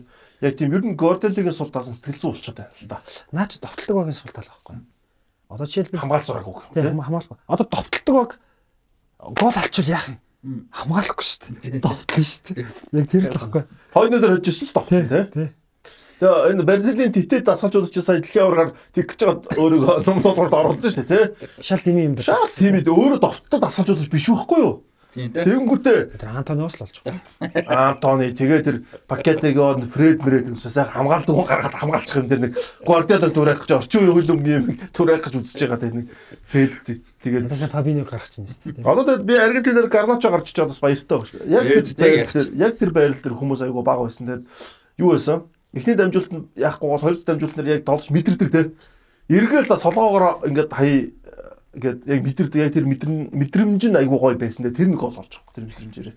Тэр үстэй амар гоё яг яг нэг winger чадвархгүй тэр бол бүр яг гоё шүү дээ. Айгу богинохон хугацаанд шууд ирээ. Тэгээд хамгаалагч гэсэн тэрнэр уулын сайн марк хийсэн шүү дээ. Бүр суларж бол хаяагүй шүү дээ. Тэгэхэд яг дамжуулт амар хурдан байгаа байхгүй. 90 шараас шууд хөлнийхэн доогоор. Тэгээд Rashford гэсэн байраа сайн хийсэн. За ингээд Rashford 100 тоглолт дараалаг гол хийсэн тий 6 7 Бүр Олд Траффорд 9 тоглолт дараалаг гол хийсэн шүү дээ. Оо за за за. Ийм ийм хоёр стартап болсон. Өө би одоо жоохон мартах маягтай болчлоо. Олд Траффордод 9 тоглолт дараалж хийсэн бар анхны толч шүү. Нислройг давцсан баг тий. Анхны толч. Тэнгүүтээ 7 тоглолтод клубын төвшин дараалж голцсон Роналдо голсон анхны тоглолч. Криштиано Роналдо. Юнайтед яг хоо. Эсвэл бүр клубын. Гүү Юнайтед клубийнхан шүү. Оо нийт статистик бол тийм байгаа л баг л та. Месси ч одоо бүр замраг он бас байдаг шүү дээ. Бараг 10 дах уу тий. Тий, Роналдо гэж Реал Мадрид Дараалсан уу? Аа тийм баг. тий. Тэр Юнайтед юунд юм бэ лээ шүү. Одоо тийм а Роналдо болсон. Тэр баг 9 гол нь баг хэн байсан баха. Тэр 66 оны бас нэг нөхөрсөн. Тэрнээс хойш гэж байгаа шүү. Нистрой ч гэхдээ амар олон тоглолт дараалал хийж. Тэр амжилтыг нөгөө Варди хэвдэг үү? Тийм шүү дээ. Премьер лиг тий. Тийм Премьер лиг. тэгвэл 12 мараач. Тийм марчаад марчаад марчаад. Ямар ч сан Нистрой рекордыг эвдэжсэн Варди. Аа тийм тэгэд United маш гоё формтой байна те. Аа тэгэд Rashford мундаг формтой байна. Сая энэ ч хэлсэнтэй бол биш 100% санал нэг байна. Яг дэлхийн аваргын одоо паусыг бол хамгийн сайн ашигласан Тенхаг байна. А тэгээ Тенхагийг бас Бас тоглогч нар Рашфорд болчиход байна шүү дээ. тийм Рашфорд нэг ядраагүй тий. Тий. Тэгэхээр тоглолцсон тий. бас форум ингээ хоосон матч фитнес бол биш те. Тэгээ үнэхээр гоё болчихно. Тэгээд одоо United дээр юу дутуу байна? Хэрвээ дутуу юм байгаа юу? Зүгээр юу байгаа бол. Товтлогчтой. Аа Вегорт төрч тий. Шүү дээ. Weghorst Яг нөлөөлөлт дуслаа. Тий, гэхдээ энэ бол довтож аав нь одоогоос ойлгомжтой. Main strike. Тий, одоо одоо бол яг бүр илэрхий дутуу юм бол алга байна. Одоо Маршал баг явах ба. Би Марселыг явуулаад нэг нэлээд том нэр авах байх одоо. Жигүүр хахад авна Юнайтед чи яг үнд бол ахаа жигүүр. Сайн За жигүүр. Сайн жигүүр авах. Rashford байна, Sancho байна, Anthony байна. А бас байгаа юм. Санчог бол Гарначо биш, Тийм бэ. Гарначо. А тэгвэл асуудал Санчо яг нь форм болсон мартаад байгаа бол Тий. ямар мундаг үлээ те. Санчо гэж хүн нөгөө нэг нэг шог зураг үзсэн нэг живцсэн тий. Далаад тэр нэг барьсаатай бил байдаг шүү дээ.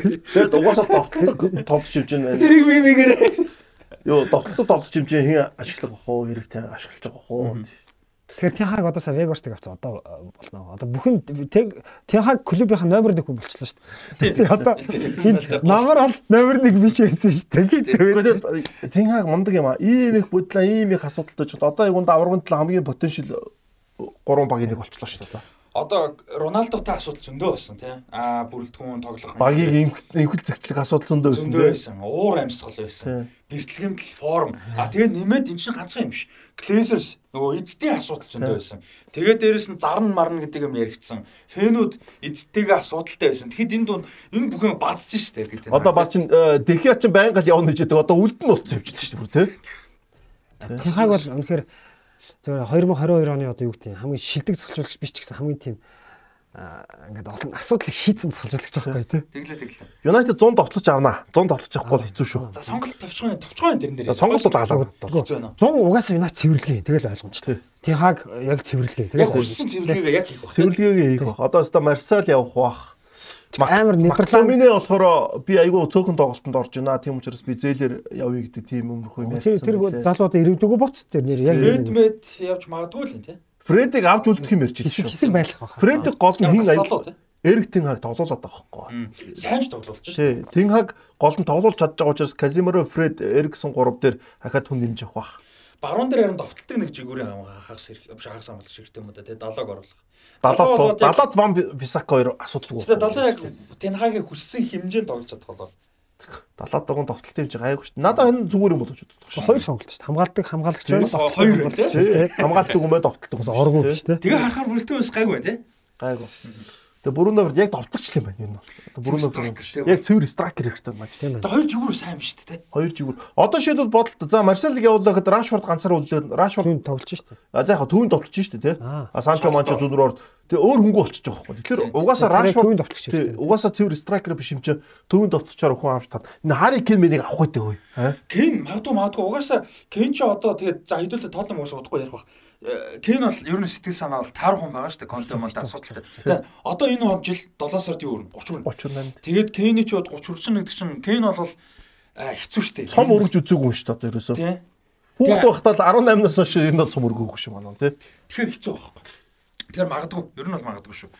За аа юу Манчестерийн дерби Бач юм асуугатай. United энэ том 8 яг их мөнгө сая зарлуу Антониг авсан тий. Антони 100 сая. Тэгэл өөр Санчо тэрнээс өмнө 70 80. А тэгтээ тэр чи 2 өдөр тийм үү? 21 оны 100 Тэгэхээр сайхан. Одоо тэгэхээр Эриктен хааг зориулж төсөв гаргаж өгнө шүү дээ. Наач бас баян баг гэж асуух.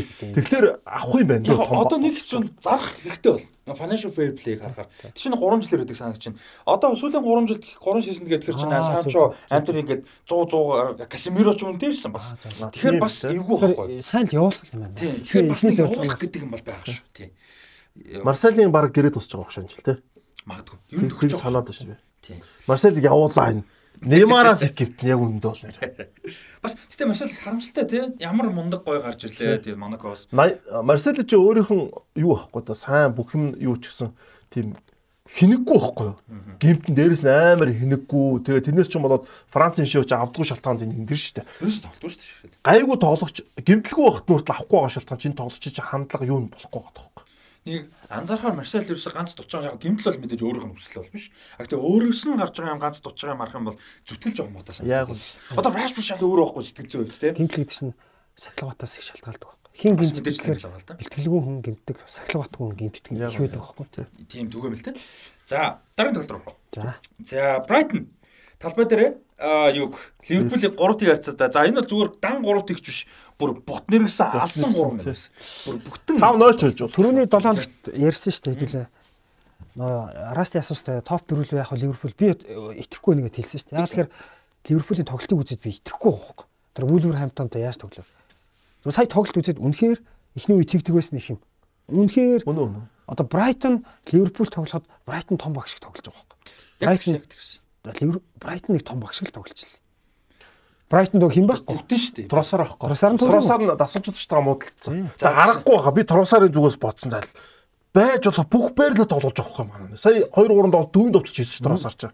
Тэгээд удирлын ихэн дээр ч Грэм Поттер хахад Тросарыг 5 хамгаалагчийн Зүүн дээр. зүүн дээр тоглож байгаа. Бүх байрал тэгээд тэр чинь хувь тоглогчид айгу төвөгтэй байхгүй. Нэг байрал дээр ингээд бас ингээд яахгүй. Тэгээд олон байрал нэг одоо Тросар шиг тоглож нэг том багт очиж бодож байвал олон байрал тоглож байгаа тоглож байгаа бол бас том байгаа. За, Хэцүү байхгүй. Тийм. Яг нэг байран дээр гэлж байгаа. Тэгвэл Арстад Марсал аавн юу гарч ийл л дээ. Тэгээд трусаар аа, юу яасан бэлээ? Бэлтэл тэр бас нэлийн босно л доо ярьцлага нөгөө эйжент нь ярилцлага өгсөн байсан. Тэрэн дээр трусаар ингээд нэгдүгürt маш сайн форумтай олон тал тогсон мөртлөө сайн тогсон шүү дээ тэр чинь. Тэгээд дэлхийн аварт очоод сэтгэл зүйд маш унчаад ирсэн. Тэгин тэгин. Гайхалтай форум дээр очичоод ерөөсө тоглоогүй. Тэгээд баг нь муу байгаад байхад өөрийг нь тоглоогүй. Тэгээд сэтгэл зүйн нэлээд тааруу ирээд тэгээд Дезербидээ бас нэмээд таараагүй юм л. Дезерби бол ерөөсө дэлхийн аваргын үеэр а тэгээд дээрэс нь дэлхийн аварга дуусаад ирээд бараг 10 хоног холбоо бариагүй юм байна. Ерөөсө Тросартай юу ч мэд ингээд холбоо ерөөсө байхгүй. А тэгээд маньгүй очиод ингээд бүрэлдэхүүн яасан байсан бэ гэсэн чинь олон нийтэд шууд ярилцлага өгсөн юм байна. Ингээ хоорондоо ойлголцоогүй мөртлөө Дезерби олон нийтэд ингээд ингээд ерөөсө бэлтгэл юу дутуу байна те бэлтгэл нэмж хийх хэрэгтэй мэрэгтэй гэл ярьдаг та тасалжуулагчид тэгээ ярьсан юм байна. Тэгсэн чинь нөгөө эйжент хурж ирээд а ийм ингэж харилцуудалтай байгаа. Тийм учраас одоо явна гэдэг ийм хүсэл сонирхол юм бол байгаа гэдэг. Тэгээ сая сүүлийн сүүлийн 2 удаагийн бүрэлдэхүүн л байгаагүй. FA Cup тэгээд нөгөөт нь лигийн тоглолт. Хоёул нь бүр бүрэлдэхүүнд трусаар байгаагүй. А тэгээд манай нэг ингээ бэртэл гэмтэл асуудалгүй байхад тусна бэлтгэл мэлтгэл хийлгсэн юм байна. Бас багтай. Тэгвэл дасалжуулагч бас юу байна те? Тэгээд яг одоо өнгөцгөн харахад бол Трусарын зүгээс асуудал гаргасан гэдэг юм нэг анзаарахгүй. Яг байж мэдээж болно. Одоо карьерийг харах юм бол Дезерби их мундаг шүү дээ, тийм. А гэхдээ Дезербигийн зүгээс бас юм харилцааны асуудал гарсан байх магадaltaй юм шиг байлаа. Гэтэ яг бид нар 100% олж мэдэхгүй боломжгүй л та. За тэгээд Тросаргу Брайтон Ливерпулийг 3-т өгсөн. За Ливерпул бол зүгээр утаа байл. Тоглолт бол. За Ливерпулээс тэр хинийг зүгээр болил. Матип. Матип зөв 2 гоолн дээр алаа хийсэн шүү дээ. Матип чинь Брайтон ч тэгээ яг том баг шиг тоглолт. Ингээ шахаж ил. Тэнгүүд Матип дээр шахалт тэнгүүд Матип шин голд алдаад тэр бүмүн явсараад гол орчих. Ливерпул яг одоо 100 чиглэл зөвлөгөө. Одоо тэр Оксле, Чемберлен, Наби Кейта, Матип, за. Матипиг бас мэдхгүй. Матип явж магадгүй Милнер ерөөс нь нэлээд цэвэрлэгээ ихгүй бол Ливерпулийн тоглолт юу нь бол юу вэ? Тэгээ хоёр дахь голн дээр шүү дээ. Бөмбөг алдангууд Матип яг хүнийг хамгаалах боломж байхад хамгаалахгүй зүгээр л ингээл дагаа явчих. Зүгээр нэг багийнхаа эсрэгэл тоглосон тоглолчудаа л гэж би харсан. За эсрэгээр Брайтон бол зөөр тэр прессинг хийхэд тэр төвийн хагасаар тэр Макалистер, Кайсет гэж нэг хоёр нэг мангас байна. Ямар. Тэгээ кассета сайт ихтэй жоо муу төгсөн. Гэхдээ Одоо ши юу харсан уу? Одоо нөө юун дээр Ливерпул прессинг гэж байгаа шүү дээ. Ливерпулийн прессингээс маш амархан гарч исэн. Одоо нөө том багч гэдэг чинь нэрхгүй тий. Ардаа дамжуу. Тэгсэн чинь Кайседо Макалистро хоёр ингээд нэг 3 4 метрийн зат ч юм. Рондо тоглоод байгаа үстэй. Хөнгөн тоглолт гараад явчихсан үстэй. Зэрэг очиж байгаа байхгүй юу? Амар юу ойлголц. Тэнгүүд хоёр тамирчингод ойр ойрхон байнаас зэрэг очин бол арын хамгаалагч тэр чин тэр хоёр чинь нэг л тамирчин марк гэж очиж байгаа шүү дээ. Тэнгүүд арын хамгаалагч тэр хоёрыг яль сул байсанд аянгууд л нөгөө хүн зөрж очингууд хоорондоо дамжуулаад гараад ичих. Ерөөсө бүгдэн тоглолт юм. Яг тэгсэн. Зөв нэг хөнгөн хөнгөн дамжуулаад гараад ирчих. Бүгдэн тоглолтын турш. Тэгэхээр тэр чи юу ч юм хэлэхээр клуб тэрэн дээр ерөөсө хариу үзүүлж чадаагүй. Энэ яг юу гэж унших юм шерби гэж унших юм уу? Десерби зүгээр десерби десерби десерби десербигүүд бол амар мундаг. Тэгээ дээрэс тэр хоёр хагас хамгаалж айгүй мундаг. Яг гоо касетог бол би тэр тал дээр одоо ливерпулийн прессингээс гарах тал дээр би сайн тоглосон гэж хааж байгаа шүү ер нь өмнө касето жоо ирчүүштэй касето жоохон буурсан бэл дэлхийн аврал шалралт юмсан дараа. Өмнө бол аль шидчих гэдэг байсан шүү тэгээ би бүр яас брайтнаас яг том баваад авахар тоглож шүү зөндөө одоо саяны хоёр. Макади Соли Марш нэгдүгээр. Тий. Дишэр. А Соли Марш би том баг дээр очиж амжихгүй болж байна. За хэсэг тоглох хэрэгтэй. Потенциал байгаа л бах тий. Потенциал. За Метомо. Өө Метомо яг. Метомо юу юм бэ? Метомо хурдан. Метомо төгсгөл байхгүй юм бэл. Төгсгөлийн шийдвэр нь жоох муу юм бэл. Муу. Гэхдээ тэр чин зарч болох юм байхгүй тий. Метомо тэгээд Ступинян зүүн зүрийн хамгаалагч. Ступинян угаасаа мангасан шүү дээ. Янз янз. Виралд багтаал л та. Тий. За тэгээд Тросараа нэмчих болж байна. Би болохоор яг энэ Макалистер байна. А энэ хоёргээ тэр хоёрыг хэлсэн үү те? Энэ таван толцчгод би том багууд бол одоо бараг шууд авах шууд бэлэн толж шарж байгаа байхгүй Метомо. Метомо тийм тийм төгсөл жоох мó. Тэгээ Метомогийн бид түүхийг дахиад харлаа. Тэг чин ямар фронтел илээ? Токио фронт. Осак Осака фронт. Ямар фронтел илээ? Кавасаки фронтел. Кавасаки фронтел а яг үнэ. Тэнд байж байгаа тэгээд манай хүн чинь ингээд яг юу болсон юм бэ штэ. Нөө тэр баг магтаа ингээд яг насан тураагүйсэн. Тэр баг нэг мэрэгжлийн амирчин болох молох тэр нэлээ эргэлзээ баг болохгүй тал тэр хүнд манай хүн Цубакигийг сурсан юм байна. Бакалавраар сураад тэгээд бид нар чинь өмнөх дээр ярьсан шүү дээ Япон солонгосын нэг их сургууль дээр тулгуур байдаг. Тэнгүүд тэрэн дээр ягаад дипломо Art of Dribbling гэдэг зэрэг хамгаалсан байна нөхөр. Тэгээд дриблинг нь угаасаа өөрийнх нь лаг штэ. Тэгээ сайжраа тэгээд нөө Kawasaki Frontale нь буцааж аваад тэгээд энд ирсэн ийм нөхөр юм байна л та. Тэгээ дараахан тэгсэн чинь дэлхийн аваргаар талбай дээр их гарахгүйсэн чинь гинтэлтэй байгаа юм байна. Жижиг хэмжээний. Тэгээ сая Ливерпул дэсэн тоглолтын дээр яг нанжтай хэлж байгаа нь сул талд нь төгсөж жоохон төгслийн шийдвэр мөн. Гэхдээ ерөөсө нэг хүний эсрэг бол зүгээр өстой. Зүгээр өстой уучлаараа болгочлаа. Ямар ч тоглолт том давуу тал шүү. Тэр чинь зүгээр ингэж шүү дээ. Зөвхөн одоо үед чинь бид ингээд төлөмөд олжод нэг эсрэг нэг гэхтээ зөв өөдөөд сарж болж. Тэр чинь нуруугаа харуулсан бах та. Өөдөөдөөс нь харсан бах та. Дарамттай үедээ. Дарамттай үедээ бүх төрөлд нэг эсрэг нэг маш сайн байхгүй.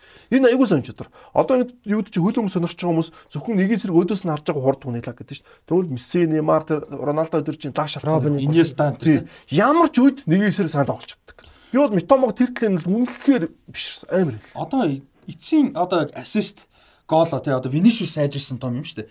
Тэрийгээ сайжруулчих юм бол яг ингээ үзэхэд бол Корацели энтер шиг байж болохоор санагдаад байгаа байхгүй. Яг гол юу нь бол одоохондоо тэр хэмжээ хүрээгүй л байна л да. Корацели яг тийм шүү дээ. Ямар ч юмнаас яаж иж байгаа л гараад ирдэг. Амар гоё тий. Тэгээ Ливерпулээ 3 дахь гол нь залхуугаас олж алдаж байгаа. Яг нь 2 тэг болцсон.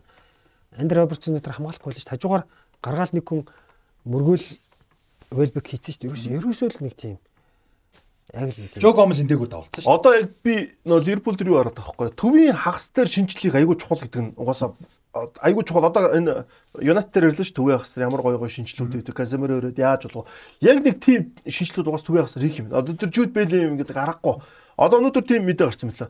Матеш Матеус нүүнэш юм уу? Матеш юу? Матеус нүүнэш. Матеус нүүнэш гэдэг Португал байгаа шүү дээ. Тэрийг Жуд Бэлингемд хоёулынг нь аавна гэдэг яриа. Хэдүүлээ байгаа шаа яг ярьсан шүү дээ. Матеус нүүнэш аа тэгээ Бэлингем хоёр зорилготой. Гэхдээ Туйлыг нь авч чадахгүй гэж ярьж байсан. Тэр чинь хоёулынг нь аавна гэдэг бүр юу мэдээнүүд гараад эхэлсэн мөлий. Энэ Ливерпул дээр нэг юм байна л да. Одоо Гакпого довтгон гайг болчихж байгаа шүү дээ. А за Ливерпул ингэж байгаа байхгүй. Соли марш 53 дахь минутанд 47 53.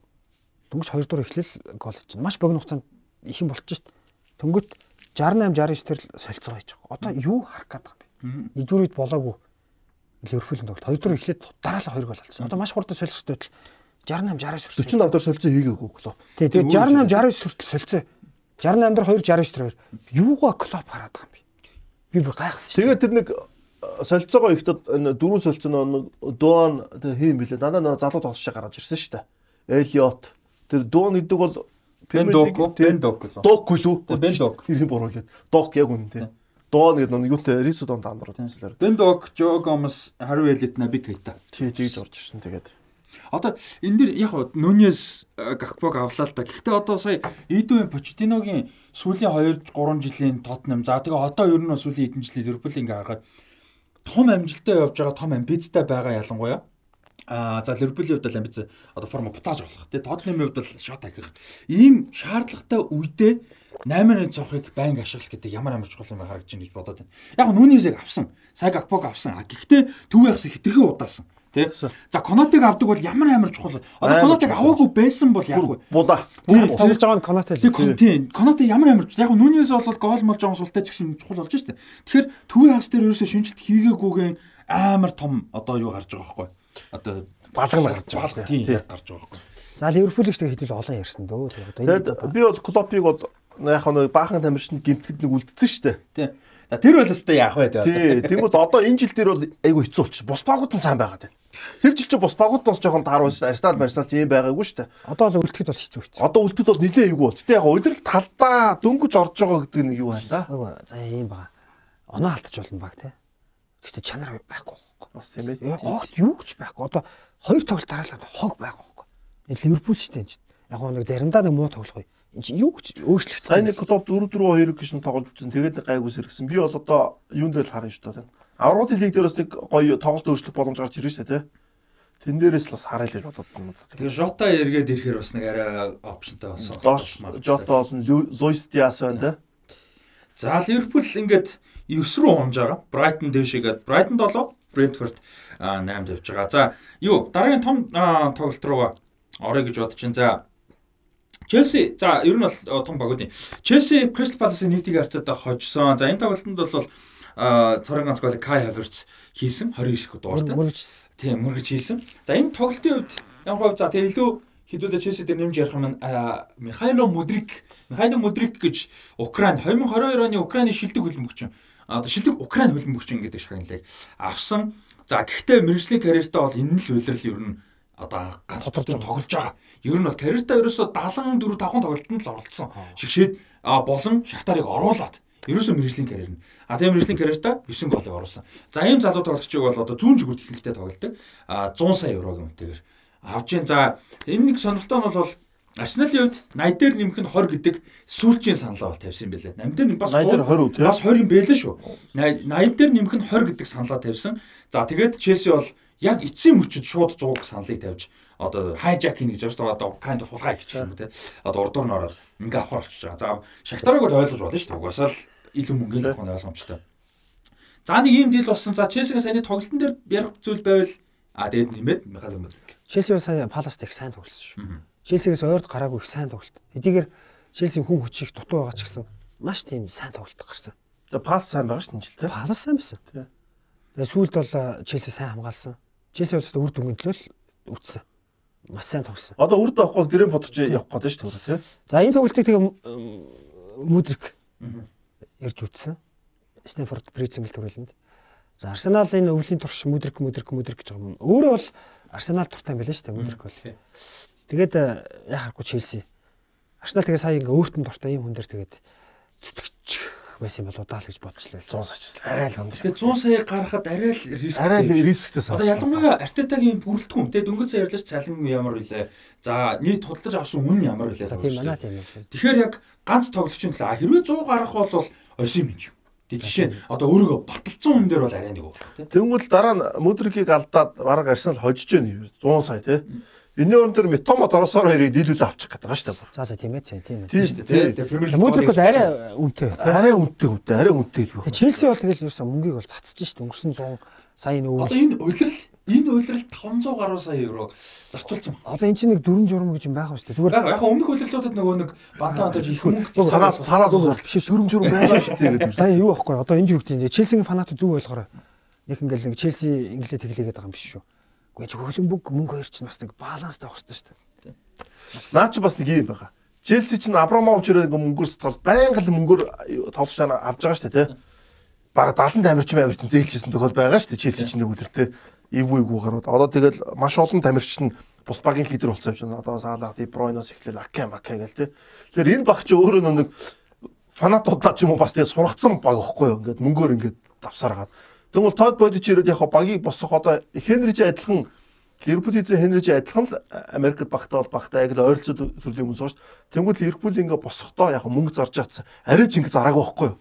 Тэгэхээр энэ дээр бас нэг багийн нэг юунуудын сургацсан нэг юм байгаад байгаа юм шүү. Соёл Фанатууд Өнгөрсөн лонд яг яг ярьсан шүү дээ. Бас ингээ нөгөө Абрамович ингээ сурцсан учраас бас а дээрэс нь мэдээж нөгөө нэг Тод Болиг нөгөө фэнүүдтэйгээ бас шинээр ороод ирсэн хүн учраас бас нэг ингээ таалагдах ч юм уу те бас нэг харин фэнүүд чинь фэнүүд чинь таалдаг юм тэр байна таахгүй тий гэснээр долж байгаа шийдэж. Тэгээ одоо Стерлингээ зарна гэсэн мэл шүү дээ. тийм одоо ер нь нэгэн цэгцлэгээ хийх баха одоо Зинш явах Стерлингийг авсан юм. Пулисик явах бах за Стерлинг явна гэдэг бол харин хацтай ажиглалтай тий Зарна гэсэн үн сонсно гэсэн мэл. Тэгэхээр яг Пулисик бол би явна л гэж бодчих. Зэн шүүрхийн сая тоглолоо тий Бас сайн тоглосон. Тэгээд төвийн хагас одоо хэцүү байна тий бүрэлдэхүүн бас тэгээ хойно бол гайгүй. А яг ингээд олон наймаа хийж байгаа нь заримдаа ингээд хитрхи хардаад бас яг ингээд дотроо ороод харах юм бол бас гой наймаа байна. Одоо Бадишилээ бол бас гой наймаа. Одоо Фофана идгээд тэр хоёр бол ирээдүйн хосол болох боломж бол бүрэн байгаа потенциал явд тий. А тэр нь ч хүрхгүй үгүй тустай асуудал. Гэхдээ потенциал нь бол байна. Зөв асууж байна. Челсигийн Челсигийн одоо хамгийн ойрын гол зорилго юу гэхээр дөрвөн залуу хамгаалагчд болох гэж юм. Тэгээ нөө Бадешила Фофана хэмжиж нэмэгдэд одоо Брайтон тоглож байгаа нэг залуу чинь Челсигээс зээлэр тоглож байгаа юм шүү дээ. Кол үйл юм лээ. Ламкол. Кол болоо. Крей Кол үйл. Тэр чинь Челсигээс зээлэр тоглож байгаа. Тэр их давгүй залуу байгаа юм байна. А тэр болохоор өөр тоглогч яриад байгаа юм шүү. хамгаалагч хамгаалагч. Хамгаалагч. Тийм үү? Брайтны нэг хамгаалагч байгаа юм шүү дээ. Тийм хамт тийг санаад юм зээж шууд мэдгүй. Тэр бол Челсигийн юм байна. Тэгээд тэр нь болохоор явна гингүү Челси болохоор тэрийг явуулахгүй байх. Дөрвөн сайн хамгаалагчтай байх хэрэгтэй залуу гэдэг. Тэрийг авахгүй дуутах чинь нэг Тэгээ одоо Кокре Бадишиле Фофана гэж шүү дээ. Ер нь одоо өнгөцөн харах юм бол тэгэхээр баруун дээр л одоо хүн дутах юм шүү дээ. төвийн хамгаалагч. Тэгвэл Челсигийн бүрэлдэхүүн Челсигийн бүрэлдэхүүнийг ярихаас л асаажуулж л ярих хэрэгтэй юм. Одоо нөгөө Грэм Ботер нь халагдаад өөр сажуул сэрүүл ахаал өө энийг болий тэрийг болий гэл ахаал нөгөө хүмүүс чинь сэлгэж бодо бодоод Челси юу юм бэ? Тод Бойлич нэг Грэм Поттерт их урт хугацаанд төлөвлөсөн юм. Тэгээ харин тэр их л хэрэгтэй. Тэгэхээр одоо юм энэ улирал мулирал ер нь баг юу ч болсон алахгүй л. Дараагийн хувьрал бол үзгэл шүү дээ. Ер нь бол тэгээ бид нар битээ байгаа тийм шүү дээ. 8-ны цог бол үзэх хэрэгтэй байхгүй. 1-8-ны цог үзэх За, хэрэгтэй. За Муд- за Мудрикийн тухай тэгээд Мудрик бол асар хурцтай гэсэн юм. Живүр гэсэн тий. Зүүн зүр. Хайлайтуудыг үзсэн үү? Тавчхан. үзэн үзэн үзэн. Амар том алхамтай юм байлээ. Их тийм том алхамтай амар техниктэй тэгээ бүр амар урд юм л. Яг гэхдээ тэр хурдан ч бас нэг юм л да нөгөө Украины лигийн тоглогчтой хурд ямар байна гэдэг. А тэгэхдээ тэрийг би юу яалаа. Ингээ Украины тоглогч лигийн тоглогчтой хурд бас асуудалтай байж үзнэ гэж бодоод FBRF стат харлаа л дээ. FBRF бас манай үзэж байгаа сонсож байгаа хүмүүс мэдгүй бол бас сонирхож үзээрэй. Статууд маш олон төрлийн стат гардаг. А тэгээ стат нь айгу гоё харьцуулдаг. Яг гэхээр Европын топ 5 лигийн өөрийнх нь төрлийн өөрийнх нь байрлал тоглодог хүмүүсийн дундчтай харьцуулдаг. Тэгэхээр аюу стандарт өндөртэй харьцуулдаг гэсэн. Тэгээд а, Мудрикийг харсан чинь зүүн зүгүүрийн одоо тэр байралтаа бол одоо дандаа одоо shot creation буюу өөрийнх нь дамжуулалт хаалга онсон цохилт болох магадлал. Хаалга онсон цохилт. Хаалга онсон цохилтуудынх нь гол ордог хувь Иймэрхүү юм чухал одоо креатив гэх юм уу да тий болон төгсгөлийн стат дээрээ дандаа 93 4-өөс илүү одоо персентайлт байгаа. Юу гэсэн үг гэхээр 93 4%-аас илүү тоглож байна гэсэн үг. Харьцуулах юм бол. Тэгэхээр бас айгүй мундаг тийм юутай юм байлаа. Аа статтай юм байлаа. Хоёлаа зэрэгч Лондонгийн хоёр ба хоёлаа зэрэгч сонирхоод байгаа бол угаасаа хоосон гол нөхөр Тийм байна. л та. Тэгээ сарна яг нөгөө хэдүүлээ бүр 100 ярьсан шүү дээ. Нөгөө Мудрик тэр чи хинч мэдэхгүй байсан. Тэгээд Дарио Сарна ингээ Мудрикийг 100 сая хүрнэ гэдэг тоглож чи жина гэж ярихад хүмүүс ер нь шоолж гинаа л гэж хэдүүлээ мэдээ болгож ярьсан шүү дээ бүр 100.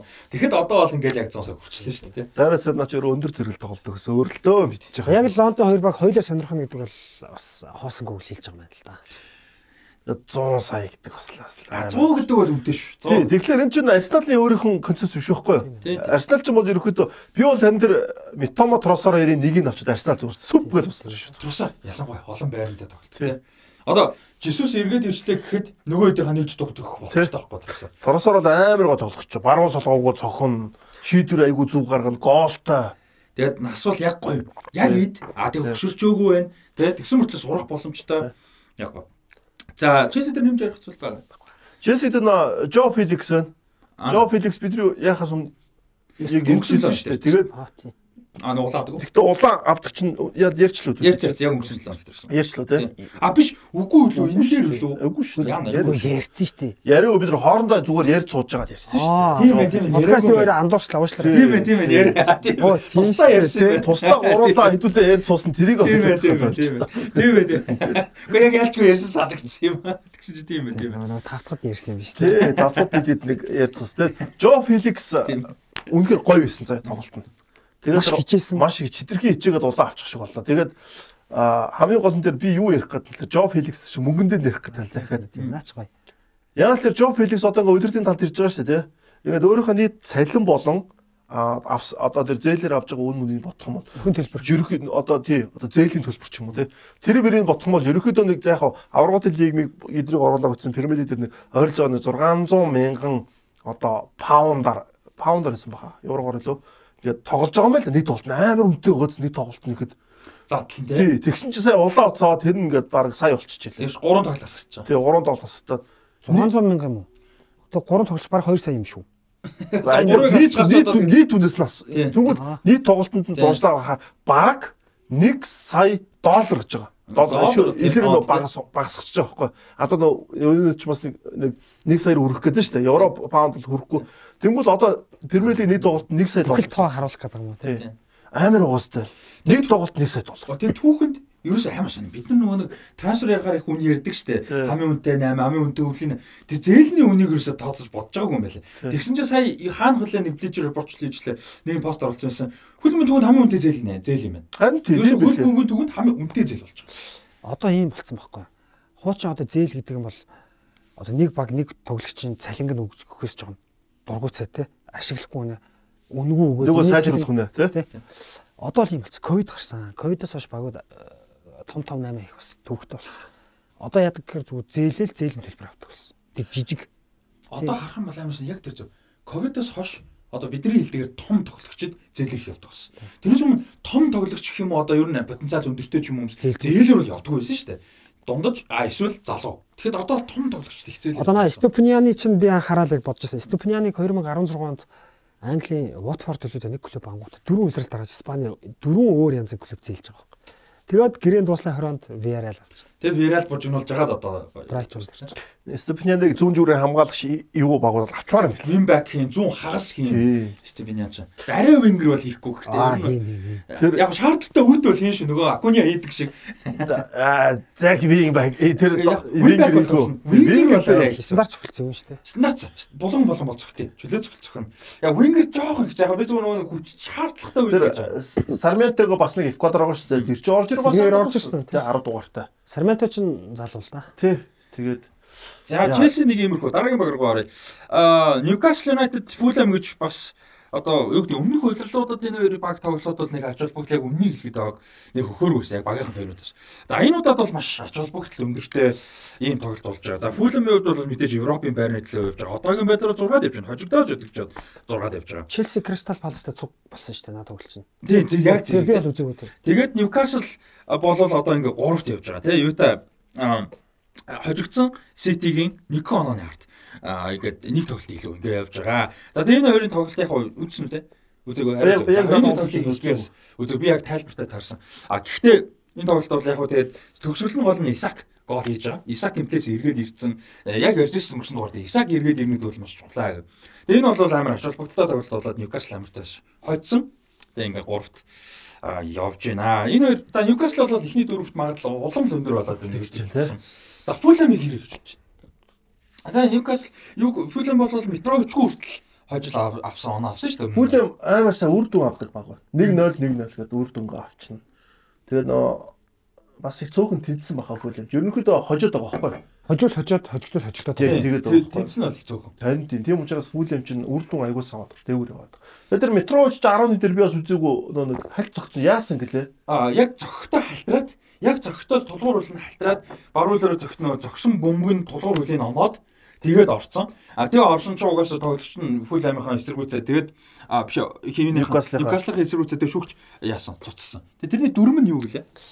хоёр хүрсэн байл. Хоёр Тэгээ хоёр үрцэл гэсэн үг байхгүй юу? Толгоор үлэн үрцэл. Тэг өөрөө өөртөө хаяад аяа зогчиж байгаа гэсэн үг шүү дээ. Тийм тийм. Тэгээ хоёроо цохиг үл те тууж орж байгаа цохиж болж байгаа гэсэн үг Би байна. тийм дээр гэхдээ миний л мдэггүй юм байлээ л да. Одоо чинь хаалагч нь урагшаага өсрөө орчхоор дахиж цохилдог штэ. Энэ дээр дахиж цохилдог юм байна. Дөрөв Хоёр. Хэдэн жилийн бүр ийм болцсон зав.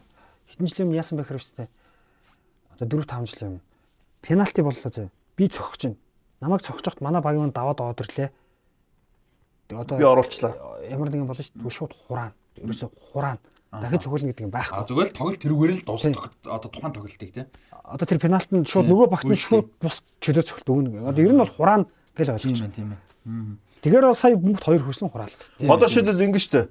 Ахаад цохиулна гэх юм бол нэг тууж байгаа нэг зогч штэ нөхөр. Тэгвэл дахиад зогх юм чинь тий. Тэр чи нэг оруулчин гутаа хаалагч чи жоохон сэтгэл зүг нь яаж байхгүй. Тийм учраас ахид зох зохиулахгүй тул хоёр үрэлтээр яччихжээ л да. Тийм байна. Тэгээ метроч жоохон өөрт нь бол жоохон харамсалтай л да. Метро хоёр пенальт болч. Гур гурав алт. Пенальтилэр бүр ингэж болохгүй шүү дээ. За тоглолтын явцад шүү дээ тий. Цохоод штанг цогсон мөхт хурцлахгүй шүү. Өөр өөртөө дамжуулсан. Хоёр болж. Тийм тийм. Тэр нь хоёр болж. А нөгөө хэд нь л үрж байна. Өөрөө болж. Тийм. А метроч жоохон харамсалтай. Тэгээ нөгөө нэг сая санаанд үш яг өөрөө халтраад ингэж Энэ гэдэг 1-0 бах дуу Тэг, тэг, тэг, тэг. За тэгвэл Ньюкасл оноо алтгаар байсан биш үү? Тийм эвгүй эвгүй. Эвгүй. Тэгээ фулам чи сайн хамгаалсан шүү дээ. тийм. сайн хамгаалсан тий. Тэгээд энэ тоглолтод бол бас их том оролцоо болж Тийм байгаа. тийм. Метроч буруутгахад бас хэцүү санаандаг болохоор.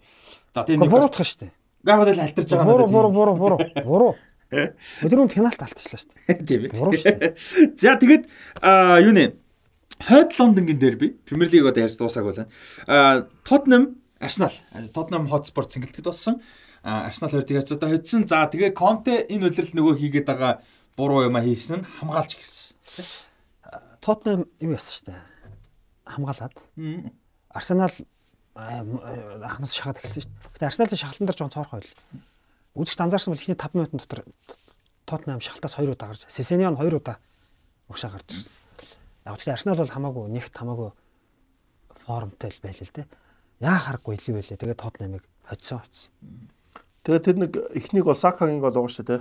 Тэн дээр Лориси алдаа л тий. Тэгээд Лориси Тэр одоо өөрөөх нь алдчихж байгаа юм бэ. өөр нэг автогол гэж тооцсон Тий. байсан. Тэр бол нэг 16 талаатай хүүхд таалгач амар том Роналдог эсрэг гарч ирээд ингэдэм юм одоо юу гэдэг. Бараг л тийм. Тэгвэл Лорис ч одоо бүгдээрийн хэсэг тоглоод үтсэн хүн тэгэж алдна гэдэг. Чи бид Лориси гайхсан шүү Тэр дээ. Тийм. Тэгээ тэр ер нь бас тоглолт шийдэж байгаа шүү. 0 0 байсан бол өөр ихгүй тоглолтож байгаа. Тэр нэг парти нэг амар гоё дэсэх. Йоо тийм шүү дээ. Тэр орсон бол өдрөдөн шилдэг гол болгосон байна. Тэр өстө үнэхээр солиотой зөв. Тэр техник маш хэцүү. Бүр аюулгүй хэцүү техник шүү дээ тэр бол. Үнэхээр гоо Тэгээд болохгүй онгол дараа нэг тэндээ ойрхон байрлаас Одигар салгаар орсон тий. Тэр Одигар чи яг гол Одигарын яг өмнө өмнө яг яг зохиол Лорис хаасан шүү Тийм, дээ. тийм, яг тэгсэн. Тэр гэхдээ дээгүр догор яг яг адилхан. Тэр одоо юу ч нэг за ер нь 20-с дээш юм. За ер нь бол 15 метрээс дээш доогуур хүчтэй зогнодог. Маш хэцүү техник байхгүй. Оновчтой хамгаалагчтай байна. За Монголд зөхгүй тэдэн бол байна да. Тэг зөх хэцүү шүү дээ энэ бол. Тэг хэцүү байсан. Тэгээд Арсеналыг үзэхээр би яг тэр тоглолтыг үзээд тоглолт үзээд нөө нөгөө PlayStation тоглоод нөө гэж харсан. Яг Арсенал яг нэг тийм PlayStation тоглоод байгаа юм шиг пассворд мангарсан юм. PlayStation дээр нэг зүг шигээ дамжуулаад X-ээр харахад өгч шít. Амар зэвэн зэвэн өгөөц. Тэгээд энэ дээр Арсенал дээр бас ингэсэн Сака жоохон гэмтэлтэй байсан дээ. Тэгээд одоо ингээд Арсеналын нөгөө бүрэлдэхүүн сул гарч Сака байхгүйсэн бол яах вэ гэдэг асуулт гарч иж байгаа байхгүй.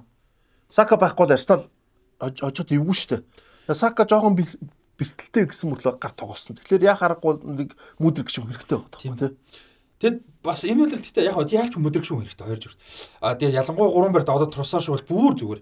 Тэгэд энэ дээр би зүгээр нэг юм амар анзаарсан тоглолтыг үзэж байгаа. Эмил Смит руу сууд орж ирсэн шүү дээ. Тэг би яг бодохгүй нэр Смит руу чинь өнгөрсөн үлэр бүр амар мондо тоглож ирсэн шүү дээ. Тэгээ энэ жил нэг яригдахгүй бас нөгөө хэд нь сайн байгаад тэгэхэд ой. 10 дугаар өстэй. Тийм шүү дээ. Тэгээ би орж өө нэрээ Смит руу байгаас нь чинь бүр ийм гоё Смит руу өөрөө тааруу байгаа бас нэг юу лээ хоолны дэглэм нанч нэг юм яриад л нэг бас нэг дэглэм Смит руу дээр асуудал нэг гараагүй нэг байгаа. дэгл хоолны дэглэм мэглэмжлөө тийм асуудал ярьжсэн. А надад нэг хүн ярьж ирсэн байна. Тэгээд Смит руу яг байрал дээр нодигаар авах. Тийм тийм тийм яг. Тэгээ Смит руу чи одигаар орч аль аль нь яг тэр байран дээр л айгуу сайн тоглолтод болж байна. Смит руу гэхдээ тоглолчийн ард хоёр дээр нь тоглоод байдаг шүү дээ. Энд дотч арч одигаар авах. Яг нөө хагас биш бүр урдаа. Илүү урагш байгаа. Ань тийм. Одоо Инкетегийн арч одигаар авах байхгүй. Яг тэр байрал байхгүй.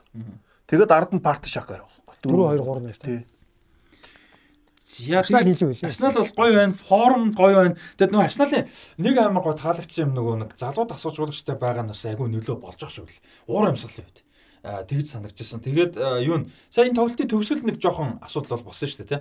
Рамсдейлхийн ойр Ришалишны ойр жоохон муудалцаад. Тэгээ Рамсдейл ч угаасаа ер нь жоохон өдөж хатгах тийм юутай шүү дээ характертай нэлээ.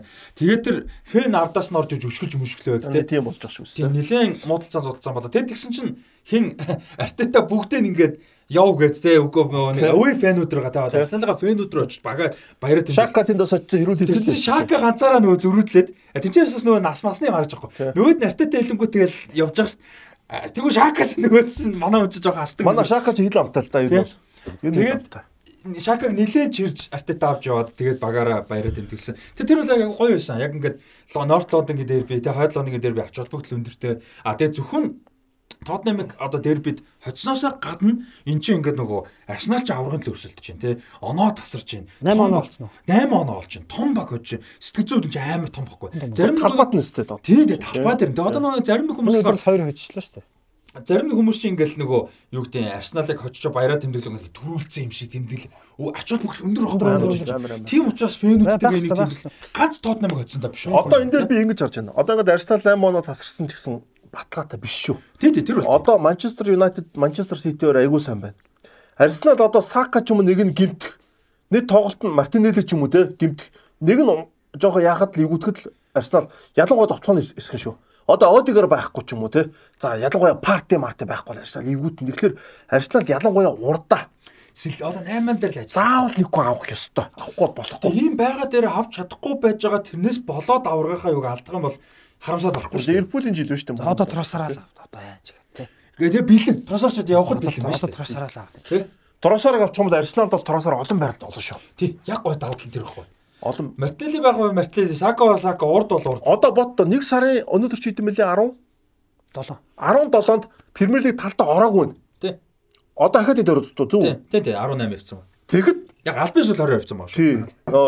Тоглолтын дутуу. Тоглолт дутуу дэлхийн авраг бол нэг хоёрдугаар Лисабати юунаас болоо те нас орсноос л нэг тоглолт болчих. Тэгэхээр Арсенал одоо тоглолтууд бүр шахуул. Арсенал Сититэй хоёр тоглоог байгаа шүү дээ. Тий, тоглоог. Амар хойшлцсон шүү дээ. Одоо Юнайтедтэй тоглоно ойрхон. Тий, харин тэгэхээр Арсенал амаргүй. Ситид хоёр очичлаа.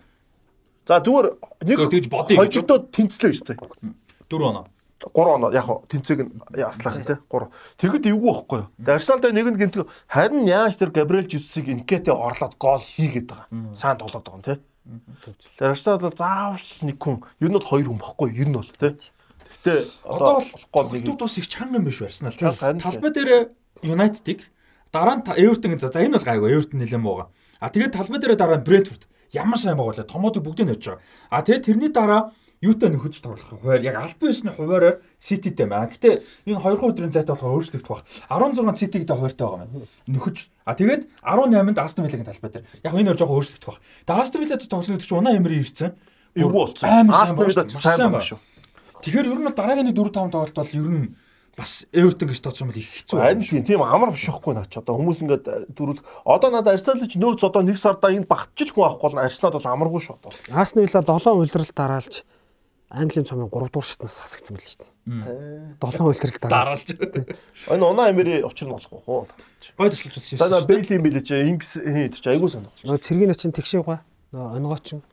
Онгоочин тэгшээ гоос нэг тэгдэн шүү дээ. 11 үйлрэл дараалж нэг давсан гэдэг. Усан наадам 11 жил дараалж нэг давсан гэдэг. Эцэн чинь хүн та яагаад нэг удаа ч гэсэн хоёр давч болдог гэж. Тэгвэл 22 жил болчихсон гэж байгаа. Бас нэг өөрөө тэгээд дэж тэнгүүтээ. Эн чин э, Монголын хамгийн доктортой амжилттай бөхлөч одоо би болох байхгүй байгаа тийм. Бус нь ингээд ингээд янз янз ундаг. Би ч бол яг нэг даваан дээрээ даваал ундаг гэх. Тийм гараад чанар байна те. Чанар чигтсэн.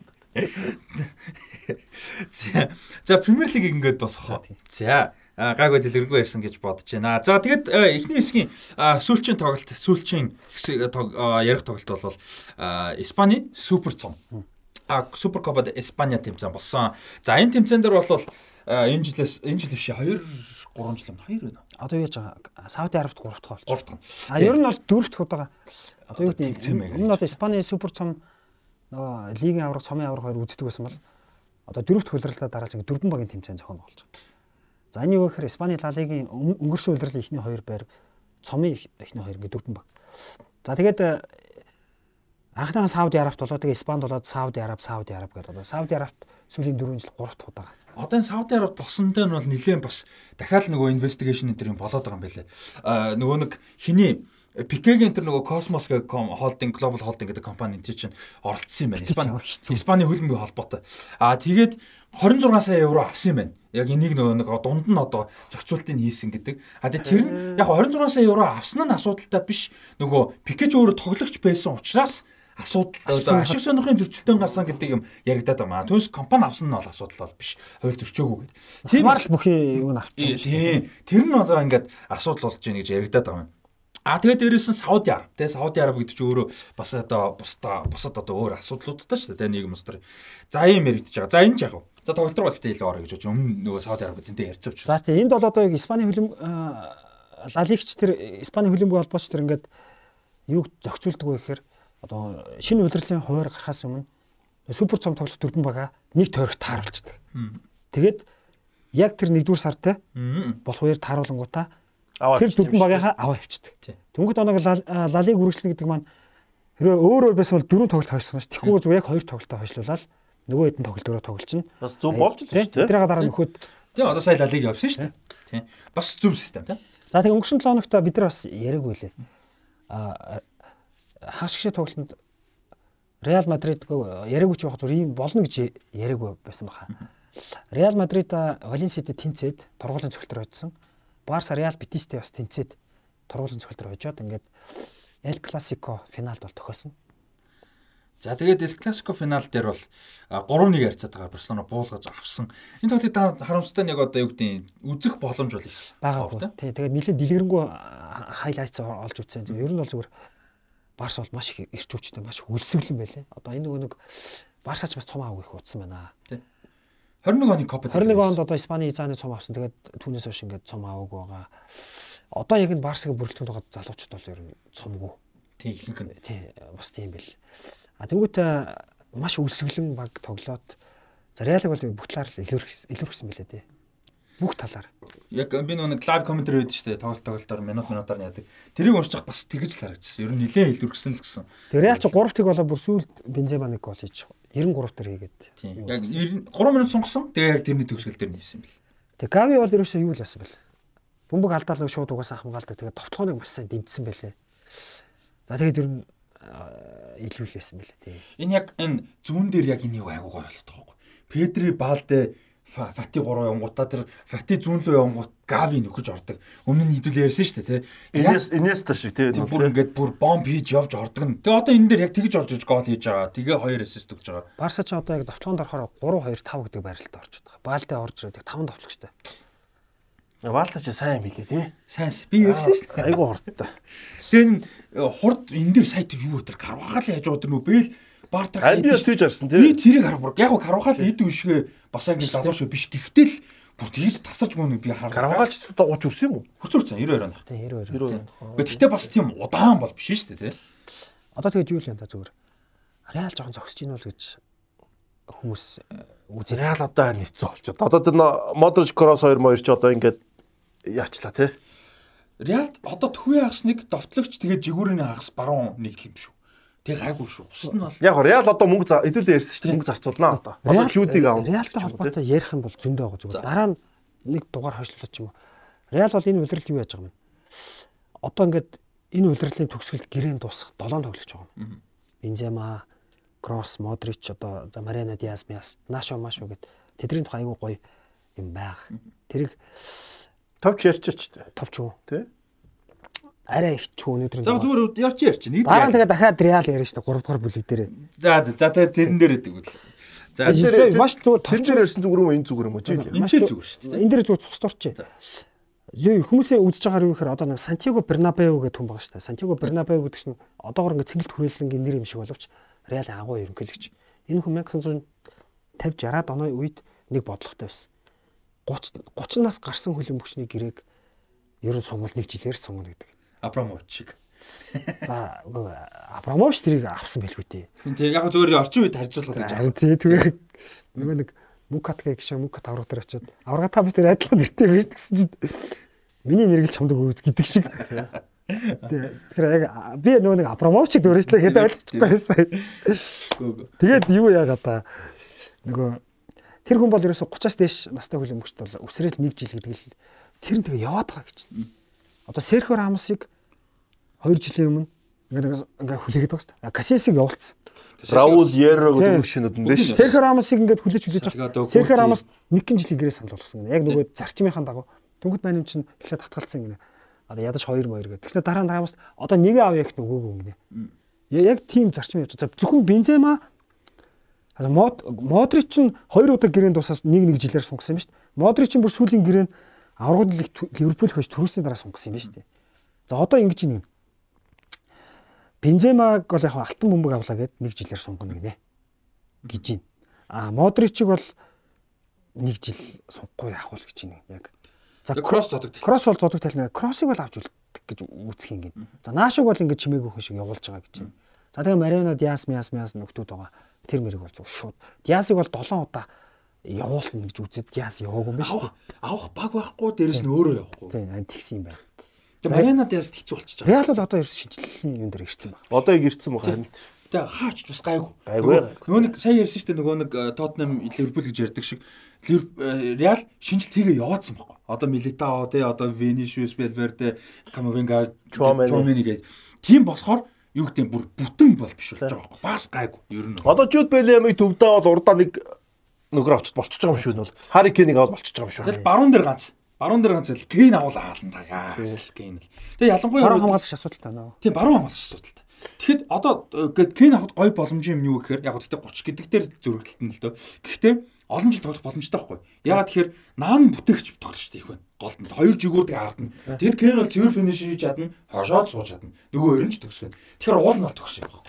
Одоо баруун хамгаалагч Испаноос олчихгойлгүй дээ. Аа? байгаа ба. Испани лигээс нэг гайгүй баруун хамгаалагч одоо тавьчихгүй. За Барсагийн тухайд нэг юм ярьчих. Барса бол одоо Бускетс ингэсэн юм байна. Өнгөрсөн нөгөө нэг намар нөгөө 8 дугаар сарын сүүлээр Сити юу-ээр тоглосон шүү дээ. Ливерпул тийм. Сити Барса хоёр нөгөө нөхшөө тоглолт хийгээд а тэр чинь нөгөө хиний өө нөгөө нэг зайлвал Барсагийн нөгөө Dream Team-ийн гишүүн байсан сүүл туслахсгалж өгч байсан э, хүн байгаа шүү дээ. Тийм тийм. Тэр хүн нөгөө нэг өвчтөй болоо тэр хүн танд юугаар тэр үед Бускетс амаалтсан юм байна багийнханд. Энэ миний сүүлийн удирдлага хэлсэн юм. А тэнгууд одоо Шави болохоор Бускетсийг одоо Барса төс 3 сонголт байна гинэ.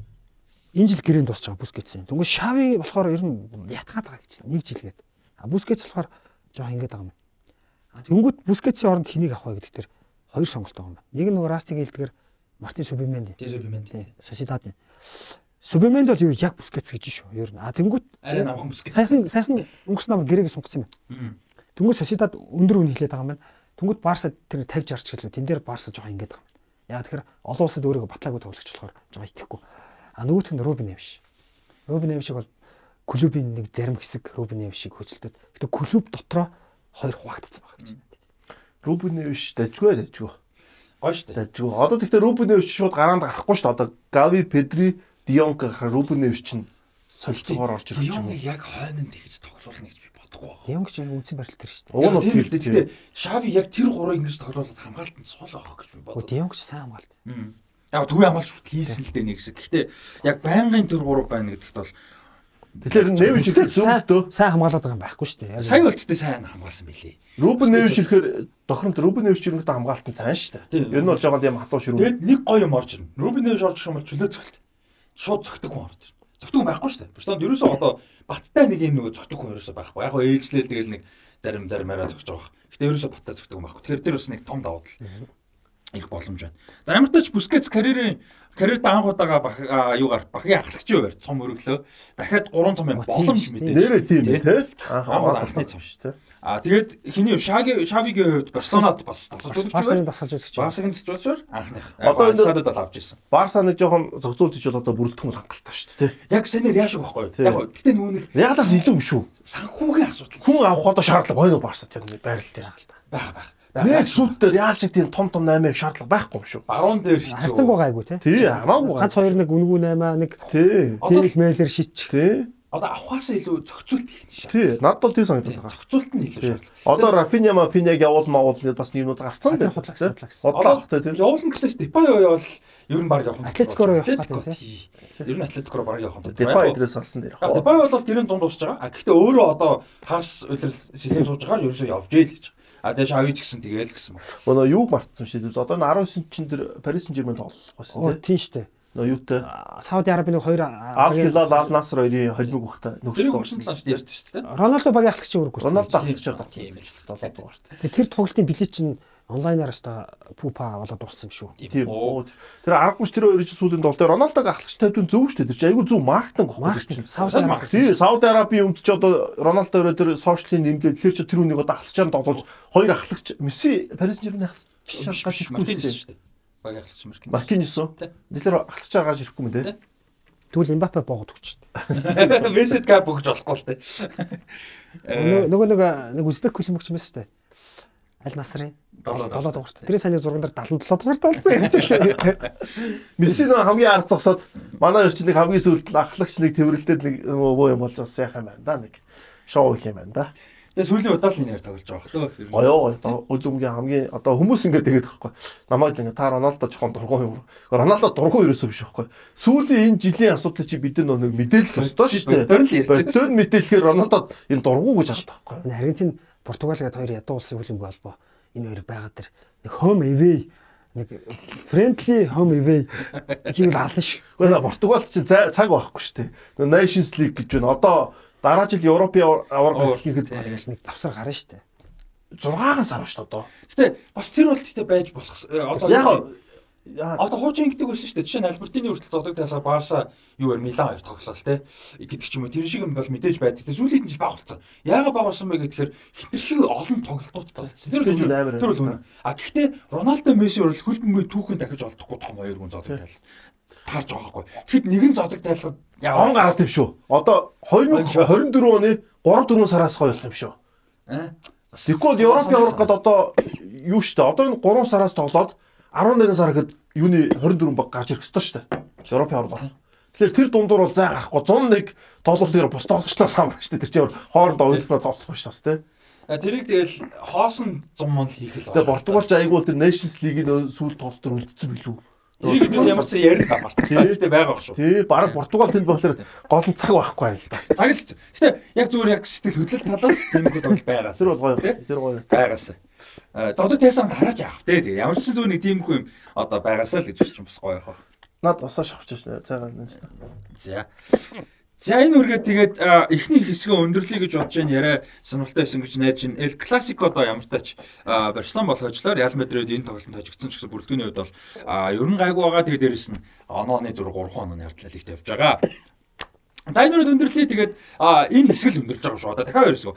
А West Portland хамт олондоо баярлалаа. Ерөнхий мэддэгч MMS-ийн хамт олонд баярлалаа. Та бүхэн мэдээллийг SourceCheck MM вебсайтаас 7711 19 99 дугаараар бас мэдээлэл авах боломжтой байгаа шүү. Тэгээд бид тэнцэнэ хэсэг завсарлаад 2 дугаар хэсгээрээ уулзцгаая. цаг хугацаа өнгөрөвч үн цэн үлдэн.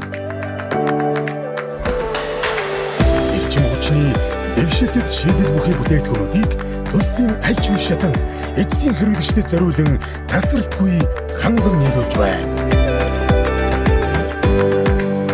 Мэргэжлийн ур чадвар салбарын туршлага мэдлэгтэй тулгуурлан оновчтой шийдлийг харилцагч бүртээ санал болгон байнгын эргэх холбоотой ажиллаж урт хугацааны үнцнийг хамтдаа бүтээдэг.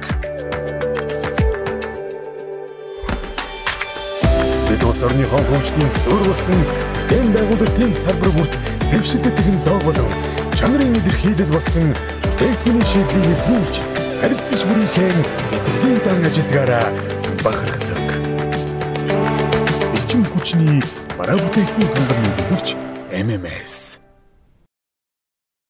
За яргуулж байгаа да таатай үзэгчтэй сонсогчдоо Шогоборнтой шоу подкастын 29 дахь дугаар хэлэхэд а, бэлэн болсон байна. За тэгээ мэдээж West Portland хамт олон манд дэмжин ажилласаар байгаа. MMS-ийн хамт олон ерөнхий мэдтгэж ажиллаж байгаа. Та бүхэн SourceCheck маань вебсайтаас мэдээлэл аваарай. За А өнөөдөр хоёр дахь хэсгээр бол их а, сонирхолтой сэдв, сонирхолтой мэдээлэл бэлдсэн байгаа. Юу гэхээр Камеруны а, хөлбөмбөгийн холбооны ерөнхийлөгчөөр хөлбөмбөгийн домог Самуэль Этос сонгогдож одоо ажиллаж байгаа тав комент мэдж байгаа. За мань хүн бол мэдээж Камеруны хөлбөмбөгийг хөгжүүлэхээс гадна хамгийн гол одоо тэмцэж байгаа гол одоо хувь нэмэр хоруулж байгаа ач холбогдол өгж байгаа нь бол Камерун гэлтгүй Африкийн хөлбөмбөгт одоо нас дарах асуудал маш их байдаг аа хөлбөмбөгт те. За тэр тусмаа мэдээж Камерунд. За энэ асуудалтай бол маш их тэмцэж байгаа юм байна. Энэ асуудал дээр их олон юм одоо илэрч те гарч байгаа юм байна. За энэ талаар яг гоо.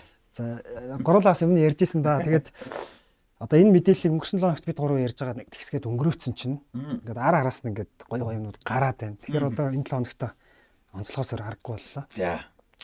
За алдарт хөлбөмбөгч Африкийн 4 удаагийн оны шилдэг хөлбөмбөгч аврагууд дэлхийн 3 удаагийн авраг Самуэль Ето бол Камерун улсын хөлбөмбөгийн холбооны ерөнхийлөгчөөр ажиллаж байгаа. За тэгээд өөрөө Европт бас олон жил болсон энэ мундаг хүн чинь бас их олон шинэ ажлыг бол эхлүүлсэн байна.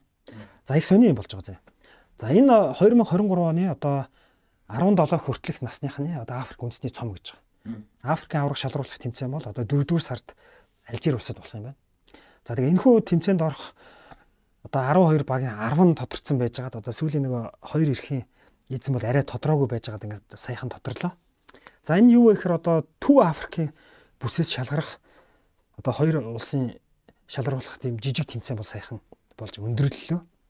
За уг нь энэ тэмцээн бол энэ 2023 оны 1-р сарын 7-оос 12-ны өдөр Камерун улсын Лимбе гэж хотод болоод дөрвөн улсын шигшээг өршөлдөх байжээ. За 17 хүртэлх настай хүүхдүүд үзэн. За тэнгуут яасан бэ гэхээр одоо Африк твч угаасаа л нөгөө ялангуяа Камерун нэтер бол нас даралтаараа бүр алдартай. Тэгээ Итали бол ерөөсөө нас дардаг асуудалтай дайн хийн гэж тэмц тэмцсэн юм. За олон улсад ерөөсөө нас даралтын эсрэг яаж тэмцдэг вэ гэхээр одоо юу яаж байгаа юм бэ? 17 хүртэлх насны хүүхдийг ин бугууны эмрай шинжилгээнд оруулаад тэр одоо ясны сэргижилтийг харж иж насын тогтоодог нэг тийм хамгийн сүүлийн технологи байгаа юм.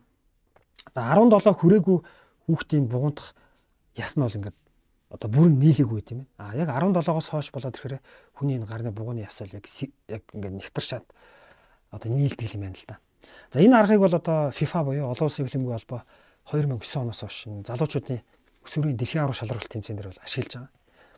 За тэгээд тэмцээн эхлэх боллоо. Камеруны шгшаагийн тэмцээнийг нутагтаа зохион байгуулах болоод шгшаа бага бүрдүүлэх боллоо.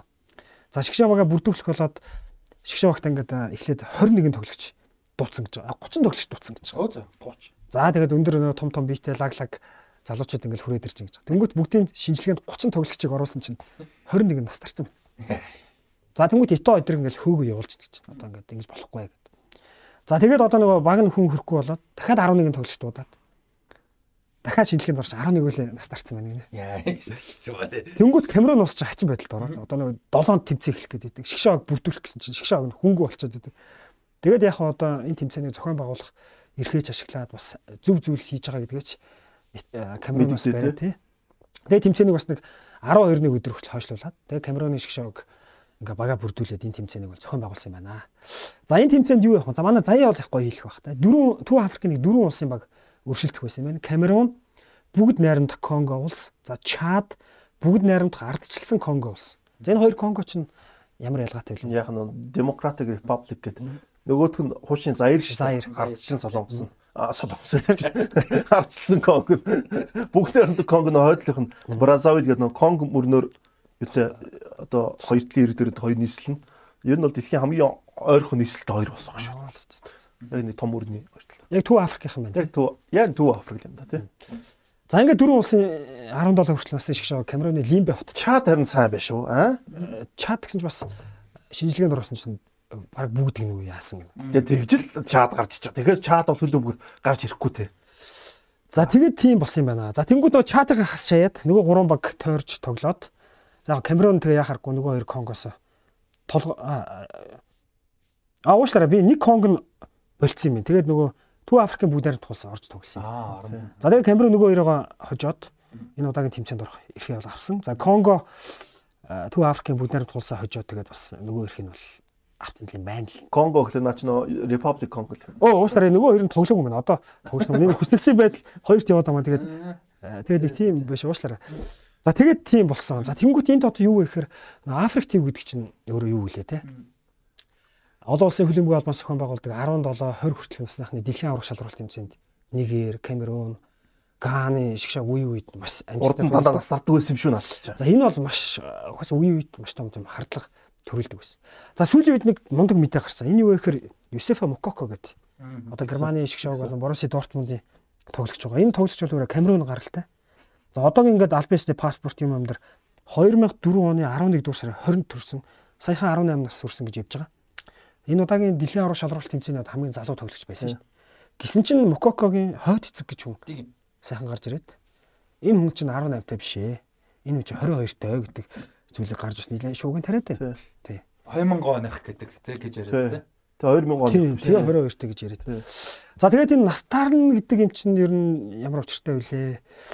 Монголд ер нь нас дарж исэн тохиолдлууд ер нь хэрэг байдаг вүлээ? За одоо чи бас мэднэ өстэй. Би бол өөрөө ч настар тоглож ирсэг юм л бол. Яг монголч энэ байхгүй юу? 2005 оноос өмнө юм уу та? Яг энэ асуудал яг Африк шиг байсан юм бол. Бас амс. Манай Эрдэнэт 3 баг насны дотор 3 баг хүрэхгүй. Аль аль нас нь. Тэгээд доош дээшээ ор тоглохоор чинь очиж алуулд юм байгаа сте. Тэгээ 9 настай хөлт 13 настай хөлт орж ирэх те. Тэнгүүл нэг зарим нэгэ дарчин. Дунд насаа хоёр болчихно. Том битээ юунуудын дээшээ оруулаад жоохон жижиг битээ ч юм уу энийг харахад нэг 12-оос доош томоочтой гэснээр доош оруулж. Би чинь Анхбаатар гэдэг нэрт нэг улсын ороо тоглолцсон. Анхбаатар юм шүү дээ. Тий. Ангийнхаа хүүхдээ яг нэг дүү нэг нас дараа тоглосон. Тэгээд би гайгүй заяа. Орон нутгаас бүр амар ирнэ. На багнуур магнуур чинь сагалтаа магалта амар амар том том. Тэгээд холбооныхоо ирээд дуудаг штэ тий. Бид нар бүр магнуур руу болох гээд. Энэ багнуур шалгаач байгаа манай багш. Бүр өстө юу манайх одоо ингээд дууднаас хоёр дууднаас тоглож байгаа байхгүй багнууртай. Манайхаа насаар ирж байгаа эдэр тийм. Би нэг дуудаад гарсан заяа. А хоёр дууднаас тоглож байгаа байхгүй. Багнуур нь ахлагнаас байгаа байхгүй ихэнх нь. Багийн тал нь ахлагнаас нь яваад байгаа. Тэгээ за би тэгээ тухайн үед ингээд шүү дээ. За багнуураас цөөхөн хөлөн бөхчөнтэй тэгсэн. Юус тэл байгаа байхгүй. Тэгээд амар том юм итэй юу. Тэгээд ингээд яг ингээд тийм хүмүүсийг шалгадаг байхгүй. Тэгээ шалгахаар тэр үед Монголын юу төрсний гэрчлэж хамаагүй бол зураггүй байхгүй. Одоо амар байгаа мэдэхгүй. Зураггүй. Зөвхөн нэр нь он сартаа. Тэгээ Тэгээд одоо ч зураггүй шүү дээ тий. одоо зураггүй те. Зураг байх. Зураггүй. Тэгээд хүүхдээс асуу штэ он сарын бүгдийг чижилсэн байгаа штэ ойлгомжтой те. Тэгээд э, тэр асуудлыг дийлэхгүй. Тэгээд ингээд бүх хүүхдүүд ингээд тэр чин дараач нь лөө бүх хүүхдүүд миний аавгүй тэр чин дараач нь дэ багнуудад шалгаж байгаа. Яг тэр намайг тэр тоглолтод асард тэр бүх хүүхдүүд ингээд мандат яцсан. Мандатанд дээр бүх мэдээлэл нээдэг. Регистрийн дугаар юу мó зураг мурагтаа. Тэр төрсний гэрчлийн шалгаар чинь зураг байхгүй чинь би яачч болно. Тэгээд юу н асуу. Ингээд харж байгаа л за чиний регистр чи сүүлийн тэт тон хэд вэ? Дөрөв тон хэд вэ гэдэг бол шууд төгтөрдөг хариулах хэрэгтэй. Бүгдийг чэйжлэн. Тэгж гардаг ус.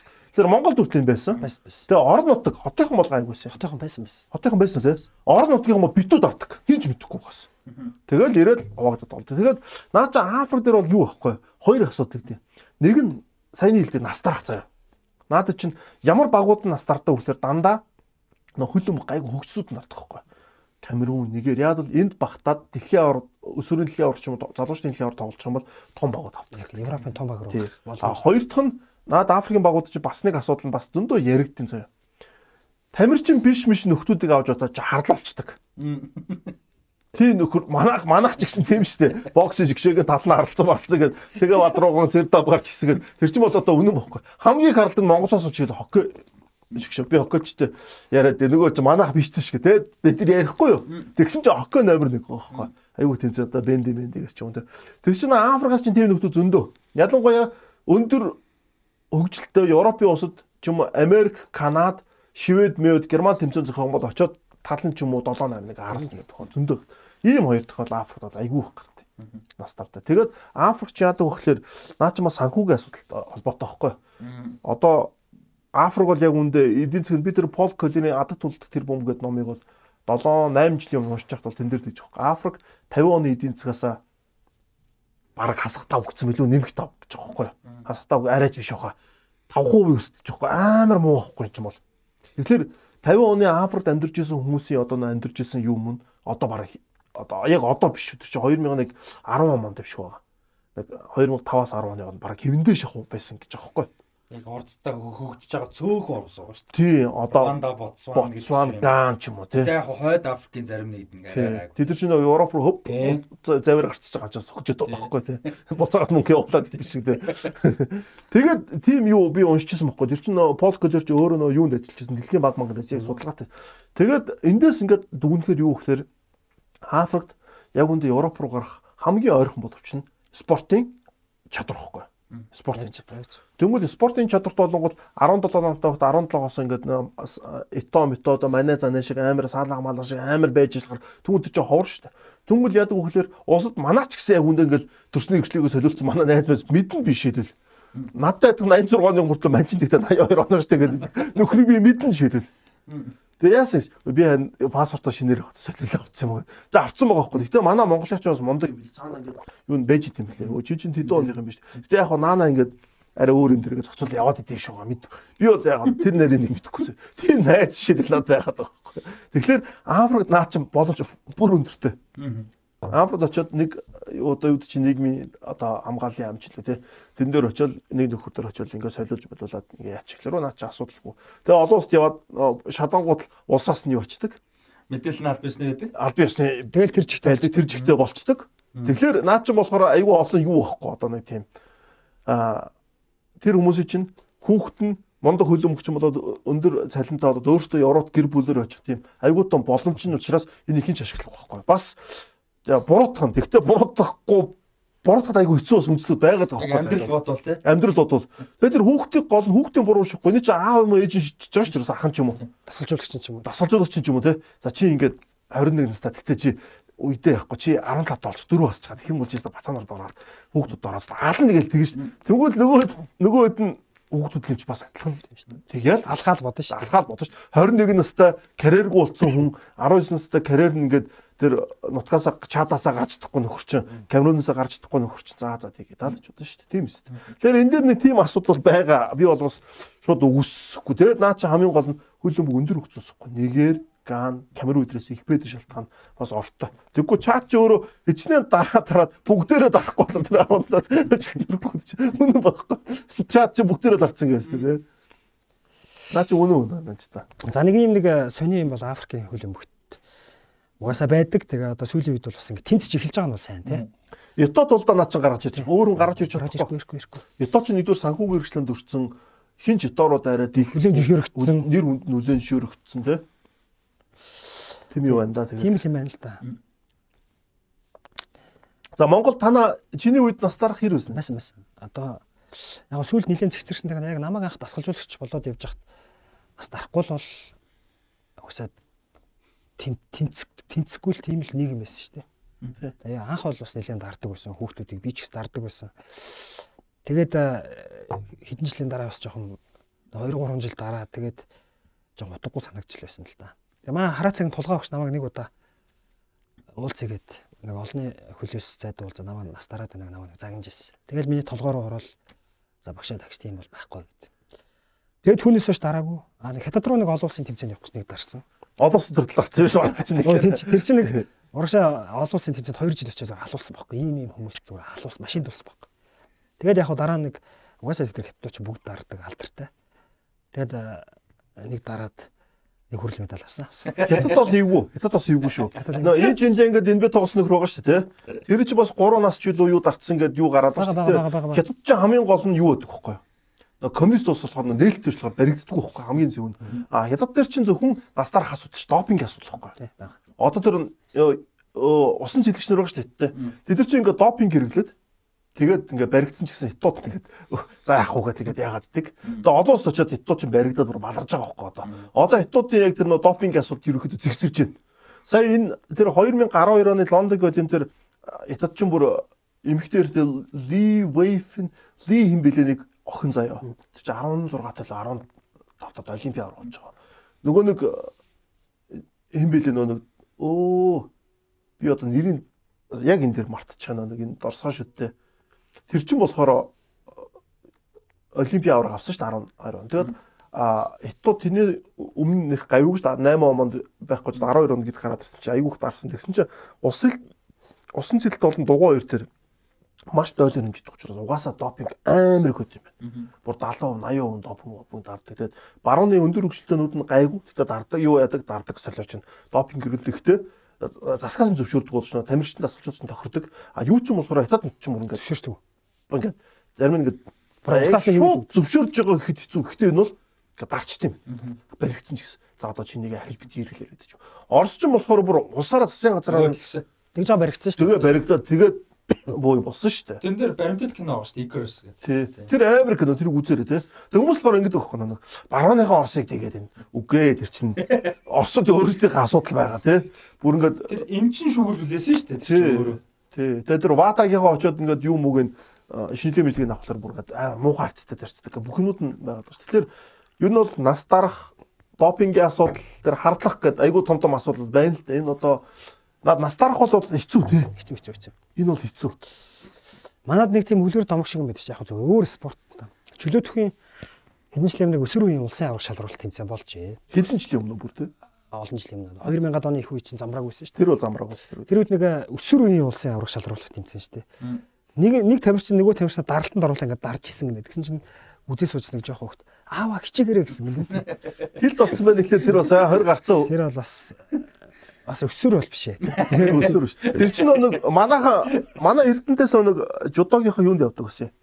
Тэр 90-ад оны сүүл 2000 арай болцсон байсан юм уу тэг чинь 2000 он юм байна да 2099 оноо. Тэгэхэд нэг манайхаас Эрдэнтээс ингээд бат боён хишиг баярыг тэр хүүхдүүд жудод явдаг гэсэн бохоггүй. Тэгээд очиод яжсэн чи 5 сар дээр хүртэл гарцсан байдаг чинь нэг нэг сахалтай нөхдүүдтэй сагстай болсон гэдэг. Тэр чинь зармийнхан хүүхдүүд ирсэн. Зармийнх нь гэж байгаа шүү дээ.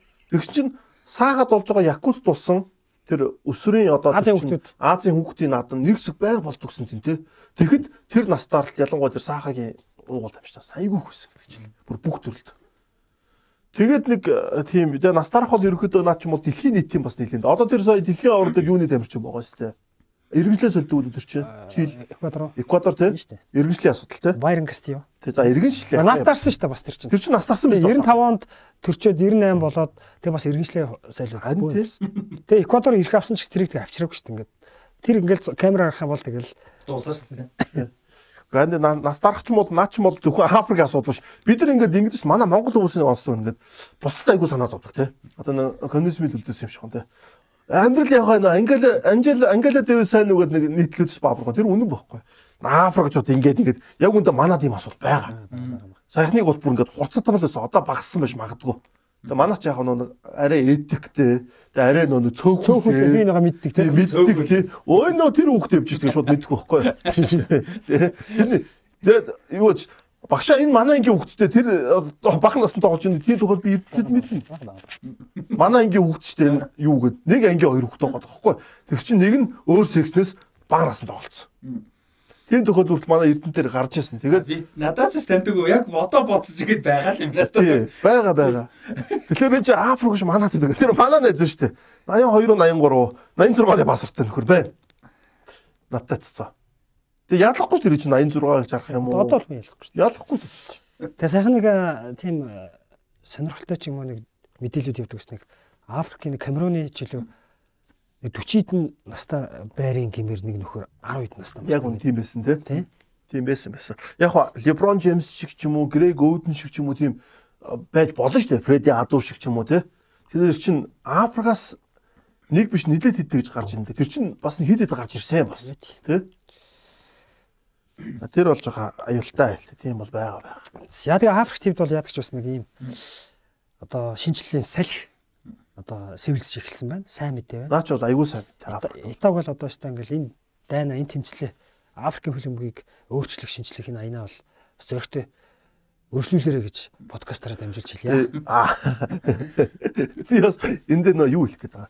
Зөвхөн хөлөн бүгш эн чинь а, Африк ч нөө би биэнд итгэхтэй айгу муу хэдэм байна л да энэ бол нөө боолч молч баах юм наслаа. Тэгээд Африкаас а хамгийн мундаг хүмүүс нь Африкаас гараа иж бодд юм байна. да. Тэгээд байн нөө нэг нөө тархины дөрвөлт гэж үүдэн шүү дээ. Брейн дрейн тэр байн болд юм байна.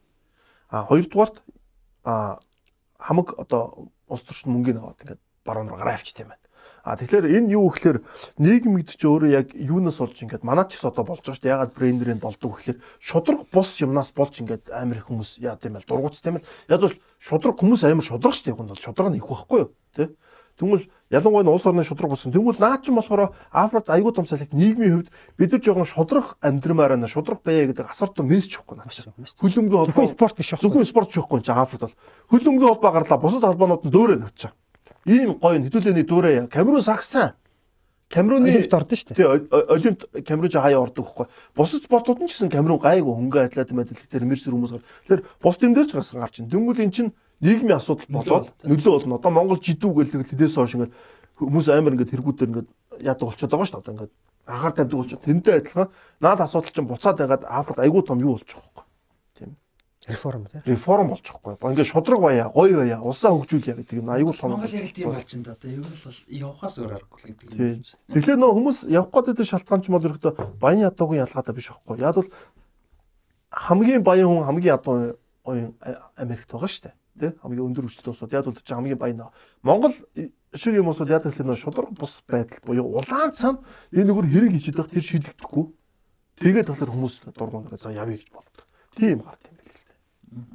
Одоо спорт амьдрал яг тийм шүү дээ. Одоо амьдрал нь өдөр тутмын амьдрал болохгүй байгаа болоод гэж байна. Тийм баян хүн байна гэдэгтэй биш шүү дээ. Тэрнтэй адилхан энэ спортыг тийм байхгүй. Шудраг өрсөлдөж болохгүй байгаа болохоор тэр чинь ийм асуудал болоод тэгээд засах гэж үзэж шүү дээ. Тэгээ өөрөө этовч тэгээд юу л та боловсралтай том газруудаар яваад үзсэн. Өстой жинхэнэ нөгөө хийдгээ хийгээд туулгаа тулаад үзсэн хүн болохоор тэгээд дарамт шалт байх. Тэгээд ирэх л баг. Гэтэ халах баг. баг тий. Ито хийхгүй юм байна.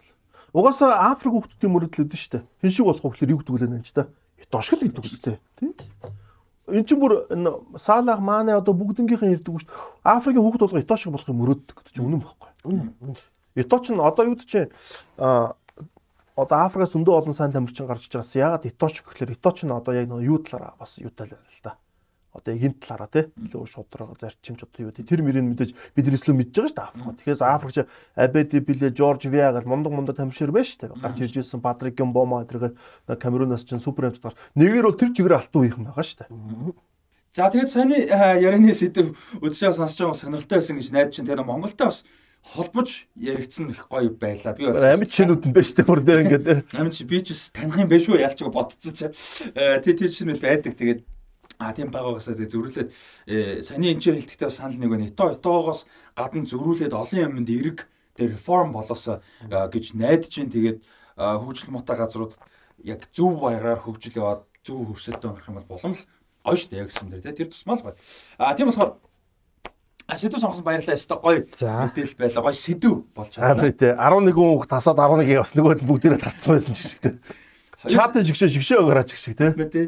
Тэгснэ хасагдаад 11 дахиад очиж тэд нар нь бүгдээрээ Тэгээд тэмцээн хойшлсон. тий. Тэгээ манай эдгээ бас нэмж санаахол бас уншиж судлаад тий. А сэтгэлээс хуваалцаараа. А тэгэд э, дэмжиж ажиллаж байгаа Wave Sport Lounge-ийн хамт олон за ивент итгэгчээр ажиллаж байгаа MMS-ийн хамт олондоо баярлалаа. Өнөөдөр хоёр дахь хэсэг сонирхолтой байсан гэж найж энэ бол яг одоо цаг үед болж байгаа юм учраас хоёр дахь хэсэг рүүгээ орууллаа. За тэгээд э, энэ э, энэ хэсэг хөрөөд бид нар чинь тэгээ 3 дахь хэсгээр уулзцаа. 3 дахь хэсэг дээр бол одоо өнөөдрөөс эхлээд шинэ дугаараар бол одоо story гэж ярьж байгаа. Тэгээ түүх сонирхолтой гоё дурдах юм ихтэй ярих юм ихтэй юм гоё түүх өгүүлье гэж шийдсэн байгаа. Тэгээ өнөөдрийнх юу лээ? Агуу Альфредо ди Стефано Испани Реал Барса хоёрыг алдсуулсан нэг тийм түүх. За их сонирхолтой их том түүх шүү. Воинста сонсоогүй гоё түүх гарч ирсэн. За энэ түүхийн талаар ярилцсан байна. Цаг хугацаа өнгөрөвч үн цэн үлдэн. Эрчим хүчний дэвшилтэд шийдэл бүхий бүтээгдэхүүнүүдийг төслийн аль ч үе шатанд эцсийн хэрэглэгчдэд зориулан тасралтгүй ханган нийлүүлж байна. Мэргэжлийн ур чадвар салбарын туршлага мэдлэгтэй тулгуурлан оновчтой шийдлийг харилцагч бүртээ санал болгон байнгын эргэх холбоотой ажиллаж урт хугацааны үнцнийг хамтдаа бүтээдэг. Бид улс орныхон хөгжлийн суурь болсон дэм байгуулалтын салбар бүрт дэвшилтэй технологи болон чанарын илэрхийлэл болсон бүтээгдэхүүний шийдлийг эрхүүлж харилцагч бүрийнхээ мэдрэлийн дан ажилдгаараа бахархдаг. Эрчим хүчний бараа бүтээгдэхүүн хангам нийлүүлэгч MMS Заргуулж байгаа дата байна. Шого бонто шоу подкастын 29 дахь дугаарын сүүлчийн хэсэг эхлэхэд бэлэн болсон байна. За өнөөдрийн одоо сүүлчийн хэсэг а гэхдээ одоо өнөөдрийн дугаараар эхэлж байгаа нэг юм бол одоо story те түүх гой түүх э, талаар бол ярилцаа хөлбөмбөгтэй холбоотой түүх ярилцаа гэж хэлсэн байгаа. За өнөөдрийн энэ дугаараар энэ хэсгээр бол Альфредо Ди Стефано гэж одоо хөлбөмбөгийн зөвхөн Испани шүү дээ. Дэлхийн хөлбөмбөгийн домог байдаг. За Испани хөлбөмбөгт бол бүр том домог байдаг. За Өмнөд Америкос холбоотой. За ингээд Барса холбоотой, Реал Мадрид холбоотой ийм том түүх бас их юм байдаг. За энэчнээс нэг сонирхолтой түүхийг өнөөдөр ярихаар бэлдсэн байгаа. За энийг яг хэлэхээс өмнө товчхон мэдээлэл нэмээд өгөхөд яг энэ түүх гэдэг хэсгийг бол одоо дугаар болгон яваа гэж ярьж байгаа. Тэгээ бид ээлжилж явна. Одоо дараагийн дугаар дээр заах. За тэрний дараа нь би ингээ ээлжлээд өөр өөр түүхүүд өгөөлээ ингээ бас сонирхолтой байх. Тэг хин юу судлах уу гэдэг. За тэгээ Монголын хөлбөмбөг түүх хэрчтэй. Байж болно Ер шүү нь дээ. байж болно. Бас гой гой гой түүх байгаа юм Гой байна. байгаа харин. За эхлэе. За тэгээд энэ түүх гэдэг буланг бид гур бол нэлээд дээрээс ярьсан. Тэгээ юуны өмнө улирлаа дуусгаатыг гэдэг улирал маань дуусаад ингээ араас нь орж ирж байгаа. Тэгээ анхны түүх маань бас юу яах вэ гэдээ бас их сонирхолтой эхлүүлж бас гоё те. Тэгээд э, олон түүх л байсан. Тэгээ бодож Тэгээ бодож. сонирхолтой эхлүүлэх хүн нанжд болохоор за нанжд эхлэе гээл те. За тэгээ манай э, хоёр бас энэ дэр гоё яриад хэдүүлээ амар гоё түүхийг бол бас бүтээнэ. За алдарт төлөмөгч Альфредо Ди Стефано бол одоо зүгээр альбан бусаар бол Реал Мадрид клубын бүх цаг үеийн хамгийн агуу хөлбөмбөгч гэж түүнийг бол бас олон их сурвалжууд бол хэлдэг. За Криштиану Роналдо 2018 онд Реалаас явсан бас шалтгаануудын нэг энэ их бодиттой их сурвалж бичижсэн шүү. Одоо нөгөө Реалын ерөнхийлөгч Флорентино Перес болохоор клубийнхаа бүх цаг үеийн түүхэнд хамгийн агуу хөлбөмбөгчийг Роналдо гэж хэлэхгүй дандаа Ди Стефано гэд байдаг нь Роналдод бас их хүн туссан гэж бас их ойрын их сурвалжууд тухайд бол бичижсэн. За ийм л агуу хүний тухай. За тэгэхээр энэ бол одоо тэр хүний намтар түүх бол биш те. Зөвхөн яг нэг үйл явдлын тухай. За тэгэхээр маш товчхон ойлголт өгөхөд Ди Стефано бол Аргентины нийслэл Буэнос Айрес хотын одоо Баракас эмэгт дүүрэгт бол Итали цагаачдын гэр бүл төрсэн юм байна. Тэгээд угаасаа багаас анги хөлбөмбөг тоглоод одоо алдартай River Plate гэж клубээс дамжиж ингэж хөлбөмбөгч болсон юм байна. За тэгээ River Plate клубт бол мундаг тоглосон. Одоо тухайн үед одоо River Plate гэдэг клуб бол 1940-од оны их үед бол La Maquina гэж одоо дэлхийн хөлбөмбөгт алдарсан нэг тийм алдартай баг байсан. La Maquina гэдэг нь бол одоо испани хэлээр бол машин гэсэн үг. Тэгээд өөрийн тоглолтын хэм маягтай үзүүлсэн амжилт цол э, хэрэгм гэдэг бол бүр агуу. Одоо энэ La Maquina гэдэг багийг бол 1950-ад оны Унгар, 1970-ад оны Нидерландын шиг шогт бол хүмүүс их зөөрлөдөг л дээ. Тэгээд La Maquina гэж энэ алдартай багийн яг төгсгөл хэсэгт River Plate гэж алдартай багт ороод энэ алдартай хүмүүстэй бас ингээд цуг тоглож исэн юм алдартай түүхтэй. За тэгээд Аргентины дээдлигтэй хоёр удаа төрүүлсэн байна. Аргентин Уругвайн дээдлигийн аваргууд хоорондоо тоглодог том цомын тэмцээнд бас нэг удаа төрүүлээд ингээд яг эд өсч дивжээд байжсэн чинь 1940-од оны сүүлийн үед Аргентины хөлбөмбөг одоо бас жоон хямрал автаад тэгээд Аргентины хөлбөмбөгчд бол 1949 онд ажил хайсан юм байна. Яг тэгэхээр Аргентины хөлбөмбөгтөр мэрэгжлийн статус олж авахыг хүсдэг байсан боловч яг тэр улс орныхон зүгээс мэрэгжлийн статус өгдөггүй байсан. За ингэнгүүт одоо Аргентины бүх агуу хөлбөмбөгчд яасан бэ гэхээр Коломбо руу дөрвж эхэлсэн. Коломбо бол 1948 онд лиг бол мэрэгжлийн статустай олгоод одоо дэлхийн олон улс өнцөг булан бүрээс лаглаг тоглогчтой ингэж өөрөө нэгтгэжсэн юм байна. За тэгээ Колумби 1900 одоо дэлхийн хөлбөмбөгийн түүхэнд 1950-ад оны их үеийн хамгийн алдартай баг бол Millionaires гэж Колумбийн баг байдаг. За энэ клуб бол 49 онд ингээд лагуудыг бол нэгтгэж эхэлсэн. За баг Аргентины агуу River Plate клубыг бол баг нь нүүлгээд аваад ирчихсэн. За тэгээд Европоос хэд хэдэн тоглогч Бразил болон бусад улсуудаас авчираад ингээд нэг тийм оддын багийг э, бий болгож ийж л дээ. За тэгээд тухайн үед одоо юу гэдэг өөр өөр бусад ингээд Аргентины энэ клубүүдийн алдартай хөлбөмбөгчдийг багтаа авахдаа нөхөн төлбөр гэж нөгөө клубүүд нөгөөгөө. Яг энэ хүмүүсийн гэрээ хилцэл бүх юм нь Аргентины клубүүдтэй байгаад байдаг. Тэгээд ингээд ямар ч нөхөн төлбөргүй ингээд авчихсан. Тэгээ хүчрэх хиччихсэн. За тэгээ энэ Миланорес гэх клуб бол 1949 51 52 онд Колумбийн лигт 53 онд Колумбийн цомд төрүүлсэн байна. За 1953 онд одоо Венесуэл улсад болсон баг дэлхийн аврах шалралт тэмцээн гэж бас том тэмцээнд ингээд төрүүлж исэн. Үнэхээр ингээд мандан бадарч исэн байна. А гэхдээ FIFA буюу олон улсын хөлбөмбөгийн холбооноос 1951 онд одоо Колумбийн клубүүд өөр гадны улсуудын сайн хөлбөмбөгчдийг ингээд хууль бусаар авсан. Хүн төлбөр өгөөгүй авсан болохоор нэг бол хууль бус гэж тооцноо. Энд тамирчдыг буцааж тэдэрт өгөх ёстой гэдэг шаардлагыг тавиад тэгээ Колумбийн шгшөөгийг бандсан юм байна. Колумбийн хөлбөмбөгийн холбоог л ерөөхдөө бандаад тэгээ Колумбийн шгшөөг 1954 онд дэлхийн аврах шалралт тэмцээнд орох хэрэг бол алдсан юм байна лээ л дээ. За энэ бол оршил. Одоо ингээд гол үйл явдал болно. За энэ Millionaires гэж алдартай баг 1952 онд Европт альчсан. Испанаар аялан тоглолтууд хийсэн. За Валенсиа хотод очоод бүх багуудыг хоцсон. Севиа хотод очоод бүх багуудыг очоод Мадридд очоод Реалыг хожицсан юм. Тэнгүүд 1952 онд Реал Мадрид клубын түүхт 50 жилийн болоод нэг тийм тэмцээн цогоход Millionaires ирд Реалыг хожингууд ерөөсөө Испани хөлбөмбөг Ди Стефаног шүтсэн юм. За тэгэл Реал Мадрид, Барселона гэдэг клубүүд энэ авьяастай залууг л ерөөсөө авъя. Багтаа авъя гэл ингээл. За тэнгуут Реал Мадрид Барселона төрүүлж хөдөлсөн юм байна. Одоо энд Рамон Трес Фаргас гэдэг нэг каталон хуульч энэ ажлыг ахлаад за эдгээр юу яасан бэхээр Стефаныг судлаад үзсэн чинь хоёр клубтай холбогдоод байгаа байхгүй. За тэнгуут River Plate болон Milionaris хоёулын тань гэрээ хийж байгаа. За River Plate-ийг бат болгож байгаа. За тэнгуут Milionaris Колумбтай гэрээ ихэд одоо тиймд ингэ байж байгаа. Джон Бускетс гэдэг одоо бас нэг каталон хүн Колумбд тэр хүнийг одоо төлөөлөгч болгож ашигласан. За гэвч тэр хүн бол энэ бүх ажлыг нураас. Яг гэхээр Джон Бускетс гэдэг хүн тухайн үед Колумбийн одоо Миллионерс гэж клубийн орон нутгийн мөнхийн өрсөлдөгч Санта Фе гэж клубийн захирлаар ажиллаж хагаад энэ хоёрын дунд сайн ажиллаж өгөөг харин ч баг ажлыг нураацсан юм. За тэнгуут Миллионерс Барсад үгүйг хэлчихсэн. А Ривер Плейт зааг хэлчихсэн. Тэнгуут Барса Миллионерсыг хайцсан юм байна. За за угаасаа FIFA шийдтсэн. FIFA угаасаа юуны талд байгаа. River Plate-тэй л гэрээ байгуулчаад тэр Миллионерс хөө болно гэж бодсон. Тэгээд пад гэрээ байгууллаа. Ди Стефанотой ингээд River Plate 4.5 сая писет шилжүүлээд ингээд авахар боллоо. 53 онд дараачлан. За тэнгуут энэ шилжилтийг FIFA зөвшөөрч байгаа.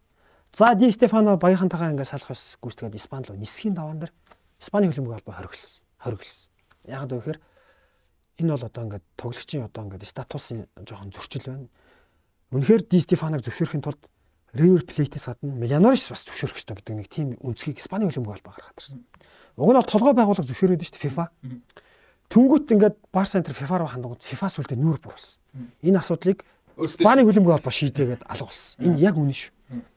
За тэнгүүт энэ хооронд юу болсон бэ гэхээр тухайн үеийн Реал Мадридын ерөнхийлөгч байсан Сантьяго Бернабеу очиод Миллионерстэй гэрээ байгуулсан.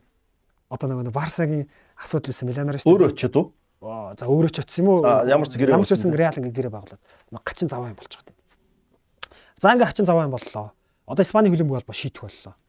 За тэгээ 53 онд Испани хөлбөмбөг холбоо 53 оны 5 дугаар сарын 15-нд юу гэж хийсэн бэ гэхээр Альфредо ди Стефано гэж тоглогч Испанд 4 жил тоглоно. Эхний үлрэл Реал тоглоно. Дараагийн үлрэл Барса тэгээд Реал тэгээд Барса тоглоно гэдэг шийдвэр гаргасан. Тэгээ маш тийм хачин жигтэй шийдвэр. Сонин сонин. За тэгэнгүүт Яг тэр 50-аад оны үед бол яг яг тэр тухайн үед бол Барса бол Испанд толгой баг байсан юм байна. А Реал бол яг Франкогийн дэмжлэгийг жоохон аваад өндийжсэн. Одоо жишээлбэл 1951-ээс 52 оны үеэрл Барселона 5 тэмцээнд төгссөн. Франко гэж тухайн нөө Испани жоохон дарангуул маягийн нөхөртэй. Генерал. Генерал яг. Франциско Франко. За тэгээд нэг ийм болонгот нэг хоёр багийн хооронд ийм сонь сонь юм болоод одоо за тэнгуут Барсагийн шийдсэн юм байна одоо гинтийн шийдвэр гарсан байна Барсагийн зүгээс. Тэр 1953 оны 9 дугаар сарын 15-нд гинтийн шийдвэр гаргаад Барса ерөөсөө юу яхаа болий. Ингээ хувааж муухай болий манайх ахгүй. Маа нөхөн төлбөрийг өгч гингүүд. Барсагийн зүгээс River Plate өгсөн тэр 4.5 сая песет нь Реал шууд маяг өгсөн юм. Тэгэл ерөөсөө Ди Стефано юуних болцсон юм. За тэгэл ерөөсөө Ди Стефаногийн одтой онжлууд эхэлсэн. Одоо Барсагийн эсрэг хийсэн анхны тоглолтонд Реал 5 тэгэр очих Ди Стефано 2 голыг л ингээл ингээл. За тэнгууд нөгөө нэг уналтын байдалд бас Реал Мадрид клуб 2хан жилийн дараагаас эхлээд 1955 оноос эхлээд Европын Европын цом буюу одоогийн аврагын лиг эхлээд Реал 5 дарааш төвлөхөд Ди Стефано тавууланд байсан. За бараг 5 финал тавууланд нь гол. Тавууланд гол. Тий. Стефано ингээл ерөөсөө юуг ингээл бүр ингээд аваа гараад ирсэн. Тэгэл ерөөсөө Барса ч Испани том баг Реал нэг дайны дараахан дүнс хэрэгж исэн юм байсан бол ерөөс энэ хоёр багийг юу ингээд бүр 360 одоо хэдэн градус байт. Тэгээд өөрчлөөд Ерөөсөө энэ Стефаногийн шилжилтийг бол ерөөсөө хөлбөмбөгийн спортыг бол өөрчилсөн шийдвэр гэж бол үздэг.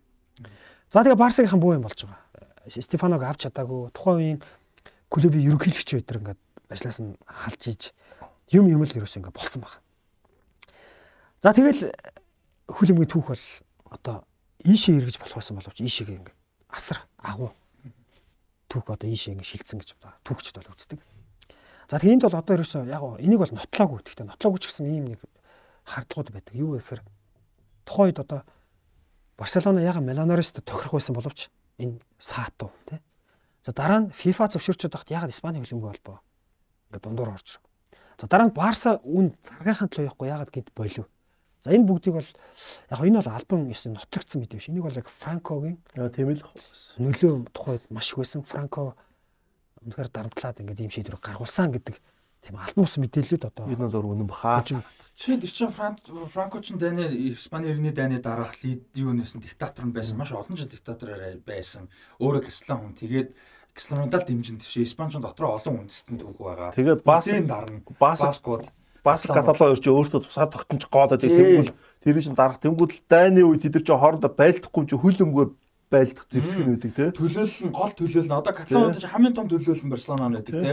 Яг мэдээж Испанил байгаа. Гэхдээ тэр үед Барселона. За Баскууд гэдэг тэнгууд мэдээж нөгөө хоёр том клуб байж байна. Ялангуяа Билбао те. Тэнгууд чинь тэр чинь гол төлөөлөл нь болж байгаа байхгүй. Франкогийн юу угаасаа би нанжтыг ярьж батлаа. Франко л ер нь яаж тэл гэж бодсон шууд.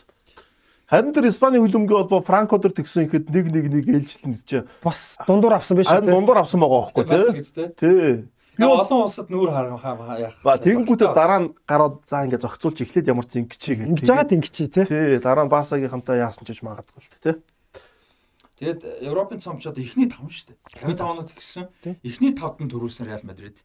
Тавууланд нь гол хийсэн Ди Стефано финалд 5 Тэгээд тэр 50 он тэр Колумбийн баг Аргентин мэр тэр хөлбөмбөд амар анхаарланд болгосон байх шүү тий.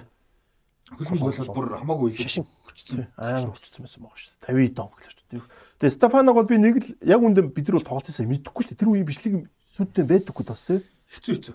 Ди Стефано Бускас тэр гол хэцүү. Стефаног Хэдэн гол л байт. эдэн гол дэдэг бах тий. Тэгээд чи Спаниш тоглож байгаа юм бас давхар тий. Аргентин шиг тоглож дараа нь Спаниш тоглож. Тэгээд Стефаногоос ч э, э, Ди Стефаногоос ч болж бас энэ эргэжлийн асуудал Яригцсан, яригцсан. бас гарч ирдэг байхгүй юу?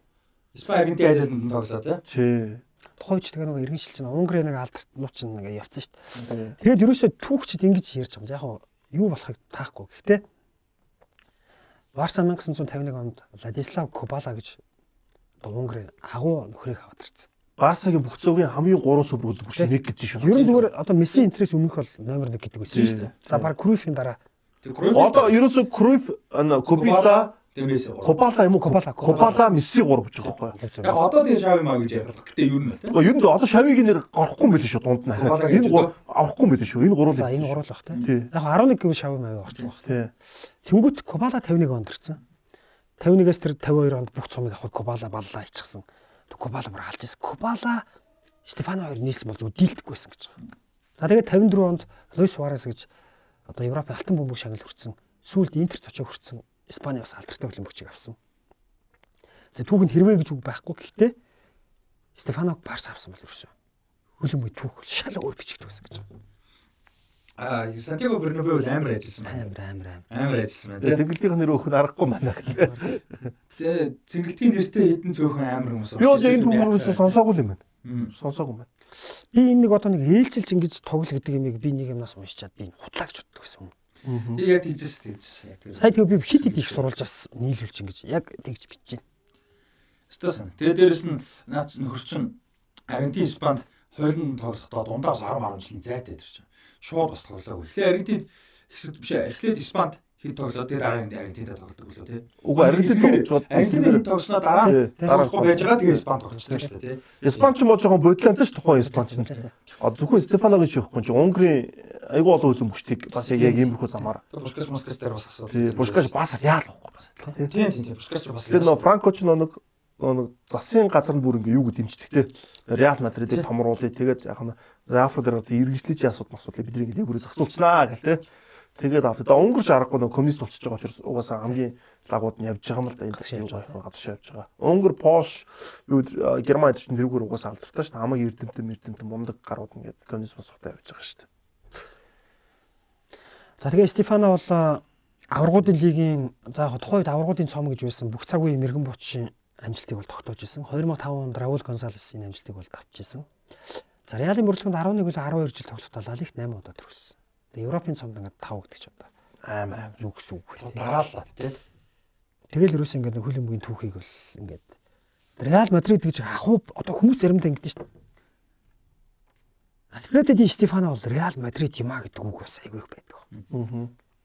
Энийг ингээд Бид нар нэг эхлээд цаа мэддгүйс одоо ингээ түүх мөх юмнууд ингээд хараад л бас юу наа тийм байж болох юм шиг юм шиг яагаад байгаа тий Одоо биднээс тэгээс одоо Роналдо, Месси гэдэг орчууд яа нэг амар юм юу мэдээлэл ихтэй үед үнэхээр мундагтай нэр. Гэтэ зүгээр их мэдээлэл ихтэй үед гараад ирсэн хүмүүсийг ярахад амарх. Тэгэнгүүт одоо ингээд өсөж хахад анх хөлмөг үзэж хахад Пеле Марадона л те. Тэгвэл дараа нь Стефано Пушкас Кройф. За яг гоо тэр үед нь Зидан ч юм уу. Тийм л яригдав те. Тэр хүмүүсийн ингээд домог одоо ингээд яхаа бүр амар гоё. Одоо Стефано өдөр ч юм бол бид нар бол зүгээр одоо ингээд гадны юунуудаас уншаад дэлхийн шилдэг 10 улам мөчний нэг л гэж бичсэн. Тэрүүгээр л ойлгомжтой. Яг юугаараа шилдэг гэдэг нь ерөөсөө мэддэггүй л байсан. ямар нөлөө үзүүлсэн те. Тэр нэг мэддэг итэ итэ статистик байна. За юу аврагуудыг 5 дараа гаргасан. Испандийн гэсэн Аргентинаас очсон моцсон гэдэг хэд ерөнхий минь мэддэг ус яг ийм нарийн мэдгүй. Тэгтэл энэ ямар амар авестай болоод гарууд ингэж байна. Реал Барса ингээ алцаж улс төр хүртэл ороод ингээд одоо Реал Барса одоо ийм хүндэр алцах уу одоо алцах ингээдлээ алцахгүй шүү дээ одоо тий. Тийм шүү дээ. Тэгтэл амар байж тээ. Үнэхээр амар байж тээ гоё тээ. За манай үзэгчд маань одоо ингүүл Стефаног бас мэдж магадгүй нэг хитэн жилийн өмнө би мэддэг баг. Манай оргил надад хэлчихсэн. Нөгөө нэг өвгөн гэд. Реалын нэг таягдлсан өвгөн. Зиданы фигуг авах нэг өвгөн дандаа л өмсгөлийн бариад байж идэг те. Тэр өвгөн чинь шүү дээ. Одоо хитэн жилийн өмнө яг бурхан болцсон. Тэр Оргилж нөө манай араас тэгээд тийм манай оргил бид нар яадаг. Тэр өвгөн чи зэвэн өвгөн шүү.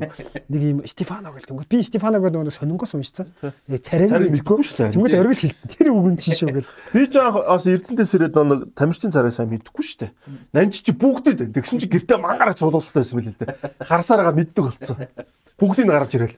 Яг Миланы ч юм ингээл Интер метрийн гарааны 11 даач наншид байдаг. Хаанаас олддог гэсэн тийм гоё. Тэгээ хотод нөө юу ихтэй байсан юм шиг байна. гоё. Сэтгүүл мэтгүүл материал ихтэй Сайн байсан. Тэгэл Эрдэнэч советский спортистэр тийм ч байхгүй шүү дээ. Зөвхөн 5 царх өөр юм байхгүй. Тэгээд нэг зургатаа нэг хар дүнгэл хот чи айл төрүүлээ кабелтэй болцсон 25 UBS-гээ сугуудаа Eagle-гээ сугуудаа тэрүүгээр нь хөл өмбөг гард тэрийнээс тайлбарлах хүмүүнтэй хот чи амар өгцсөн. Тэгээд намайг оюутан болоод ирэхэд данжид зааж ирж гисэн. Миланы 11-ийг гаргаж ирэл, багуудын 11-ийг гаргаж ирэл. Тэр тэр тэр тэр тэр тэр тэр гэл. Би талын царгийг мэдэхгүй. Ангаадаг ус. Пүү ямар амар мэддэг гараад Өөрөөсөө дэ хөлөмг мэддэг үедээ би чинь тэгж байгаа шүү. Пүү ямар. Тэгээ бид төр чинь ингэж яриа. Тэгсэн чинь ард нь оргил гэдэг нөхөр байдаг. Тэгээд Нуус ноёд байсан байх. Нуус ноёд байсан байдаг ш. Тэгээ манай анархуу манархуучаас амар цогдуулах та. Анархуу ч бүргээ бичлгүүттэй те. Биш тогтоос амар байсан ш. Зөвхөн хөлөмг биш киноны бичлгүүттэй бас гэдэг. Анархуу ч игээд кино үзвэл кино байна. Хөлөмг үзвэл хөлөмг үзэн. Тийм байсан ш. За тэгэл ийм л агуу хүн байж тээ. За дууссан уу те? А ер нь миний зүгээс ерөнхийдөө бол Амар болчихсон. байсан. Үеч болсон. Өөр бос юм мэдгүй ч. За өстой сонирхолтой түүх байна. Тэгээд манай өдөжөө сонсож байгаа хүмүүс бас мэдгүй шин түүх байсан гэж найдаж чинь. За мэдчихсэн ч гэсэн бас дахиж те гоё шинжилж өгсөн. Дахиж одоо Монгол ор гах сонирхсан гэж мэдсэн байж тохоо юм. Үгүй хоо. Э, Өстой сонирхолтой түүх. Би бол ялчгүй мэддэг байсан түүх. Гэхдээ илүү гоё чи анхны үеинд байсан байгаа. Яг мэднэ бол- Гэтэ илүү детальтай гоё. Би бол ом мон тэр нарийн ширээ нь бол мэдгүй шүү дээ. Тэр агент тэр ерөнхийлөгчтэй тэрний хуульч мал тэрийг бол мэдгүй. Би бол тэр ийм болж ирсэн. ээлжлэх мэйлжлэх тэрийг зөв сонсч ирсэн. Сонсч ирсэн, юм. Тэгээ тэр Коломбо тоглос юм бол ерөөс үнэхээр мэдэхгүй юм байна. Тэр Барсаг. Колумб тэрнтэй холбоотой яг гой судалчдууд тэр амар байсан юм бэл. Тэгээ Колумб ч ерөөсөө хөл мөхт бүр ингээд ерөөсөө амар юм байна. Одоо бид нар Аргентин гэдэг нөх Аргентин ч шүт шү- одоо шашин шиг байдаг. Тэгээ сая талбай дээр 5 сая хүн гараад ирлээ шүү дээ. Тэр шиг өдөр чинь ерөөсөө Колумб бас тийм бэл. Чил адилхан. Тэгээ Чил, Колумб тэд нар чи уруугаа тий. Тий. Эдгээр чи бүр ингээд шүү ерөөсөө шашин хэмжээнд байдаг. Тэгээд тэр нь тийм хэмжээнд бахаараа хөгжин амархан яг хөгждөг дээр 50 60 орж бүр амар хөгжижсэн. А гэхдээ тэрийгэ зөрүүлээд тэрнээс хойш эдийн засгийн хэцүүдээ нэг хэсэг байж байгаад бага наркос гарч ирээд тэгээд хөлбөмбөг нь амар хөгжөөд гинт. Тэгэд яасан гэсэн чинь бүх том картелүүд нь бүгд хөлбөмбөг багт. Тэгээ хоорондоо ч мөнгөөр алдцдаг. Тийм болоод нэг хэсэг Колумби хөлбөмбөгч бас өсч. Тэр мөрний талаар яриул бас сонирхолтой юм байна. Тэгэд наад Өмнөд Америкийн багууч хамгийн юу вэ? Нөгөө фанатууд нь тийм учраас амар зэрлэг. Айгуу Амар хүн амны хэрэг ингээд зодоон цохон ингээд юу их гарна ингээд юу тийм бэл. Эвгүй мэл. А нөө хамгаалагч байгаа шүү дээ 94 нэдлэгээ. Скобар. Ямар Скобар вэ дээ. Андрес Скобар. Андерс тийм. Тэр тэрний түүх мөх ч бас э, амар штэ. Манай чи Европ руу Миланд руу гэрээ хийсэн байсан. Миланд очиж Тэгээ одоо. баяраа тэмдэглэжсэн. Тэгээд баяраа тэмдэглэж явж байгаа тэгээд картел нөхдөд талаасан да. Яг гэхдээ Скобар алдартай ч гэсэн бас олон хүн мэднэ. Тий. Хэдүүл айл болох нөгөө Тэгээ аль болох мэдгүй юм ярих нь илүү сонирхолтой л да. Төхөмлөш. За энэ үрээд энэ хэсэг өндөрлөх үү? За сонирхолтой байсан гэж найд чинь за тэгээ өнөөдрөөс эхлээд дөнгөж сая дурдсан а, дугаар шоу бонито шоу подкастын 3 дахь хэсгээр дандаа юм шин сонирхолтой story түүхүүдийн талаар бол ярина. За харин түрүүн энэ ч дуржсэн Альфредо Ди Стефаногийн намтар бол биш ээ гэдэг. За намтар намтарчилсан юм шин шоу бид нар хөгжүүлж байгаа болоогүй гэхдээ хөгжүүлж байгаа тэгэхээр тэр тал дээр бас хүлээцтэй хандаад тухайн үед нь итгэвчүүл яваад ирэхээр гой дэмжээрэй. За тэгээд мэдээж дэмжиж ажиллаж байгаа веб спорт лонж хамт олондоо баярлалаа. А та бүхэн ирж үйлчлүүлээрэй Хоол нь тасарсан тий. Хоол нь үнэхээр гоё. А бид одоо ажлын хоолоо энэ чийддэг болчиход байгаа шүү дээ. Ялангуяа зураг авалтай өдөр. Тэгээ та бүхэн бас ирж үйлчлүүлээрэй Web Sport Lounge гэдэг Facebook хуудасаа 90 тэгтэг 90 30 гэсэн дугаараар холбогдох боломжтой шүү. За тэгээ мэдээж ерөнхий ивент итгэж MMS-ийн хамт олондоо баярлалаа та бүхэн MMS-ийн талаар мэдээлэл сурцэг MN 77.1 19 99 гэсэн дугаараар мэдээлэл авах боломжтой байгаа. MMS-ийн хамт олондоо баярлалаа. Season дуустал хамт байхаар бас шийдэгдсэн байгаа. Тэгэхээр ма- маш их баярлалаа. Тэгээ үзэгчтэй сонсогчтой баярлалаа. Сэтгэлдээ хуваалцаарай. А Facebook дээр лайк дараарай. Facebook дээр бас жижиг жижиг хэсгүүдээ катлж оруулж байгаа тэр нь бас сонирхолтой байгаа гэдэгт итгэлтэй байна. Тэгээд лайк дараарай, subscribe дарахаа мартав. Өөр суугаа сонсож байгаа хүмүүс бас YouTube дээр орж ирээ subscribe дараад сэтгэлдээ хуваалцаарай. Зарим нэг хүмүүс бас юу ягаадсан комент уншсан. Бүр ингээд паузлж байгаа зорж YouTube руу н орж ирээд комент иччихэд буцаа сонсож байна гэж хүртэл комент итсэн байсан. Тэгээд а, сэтгэл гаргадагт нь цаг гаргадагт нь бас их баярлалтай шүү. Тэгээд дараагийн дугаараар уулзлаа түрээртэй. Ерөнхий ивент гэгч MMS The Future is Electric. Ерөнхий ивент гэгч MMS Green Building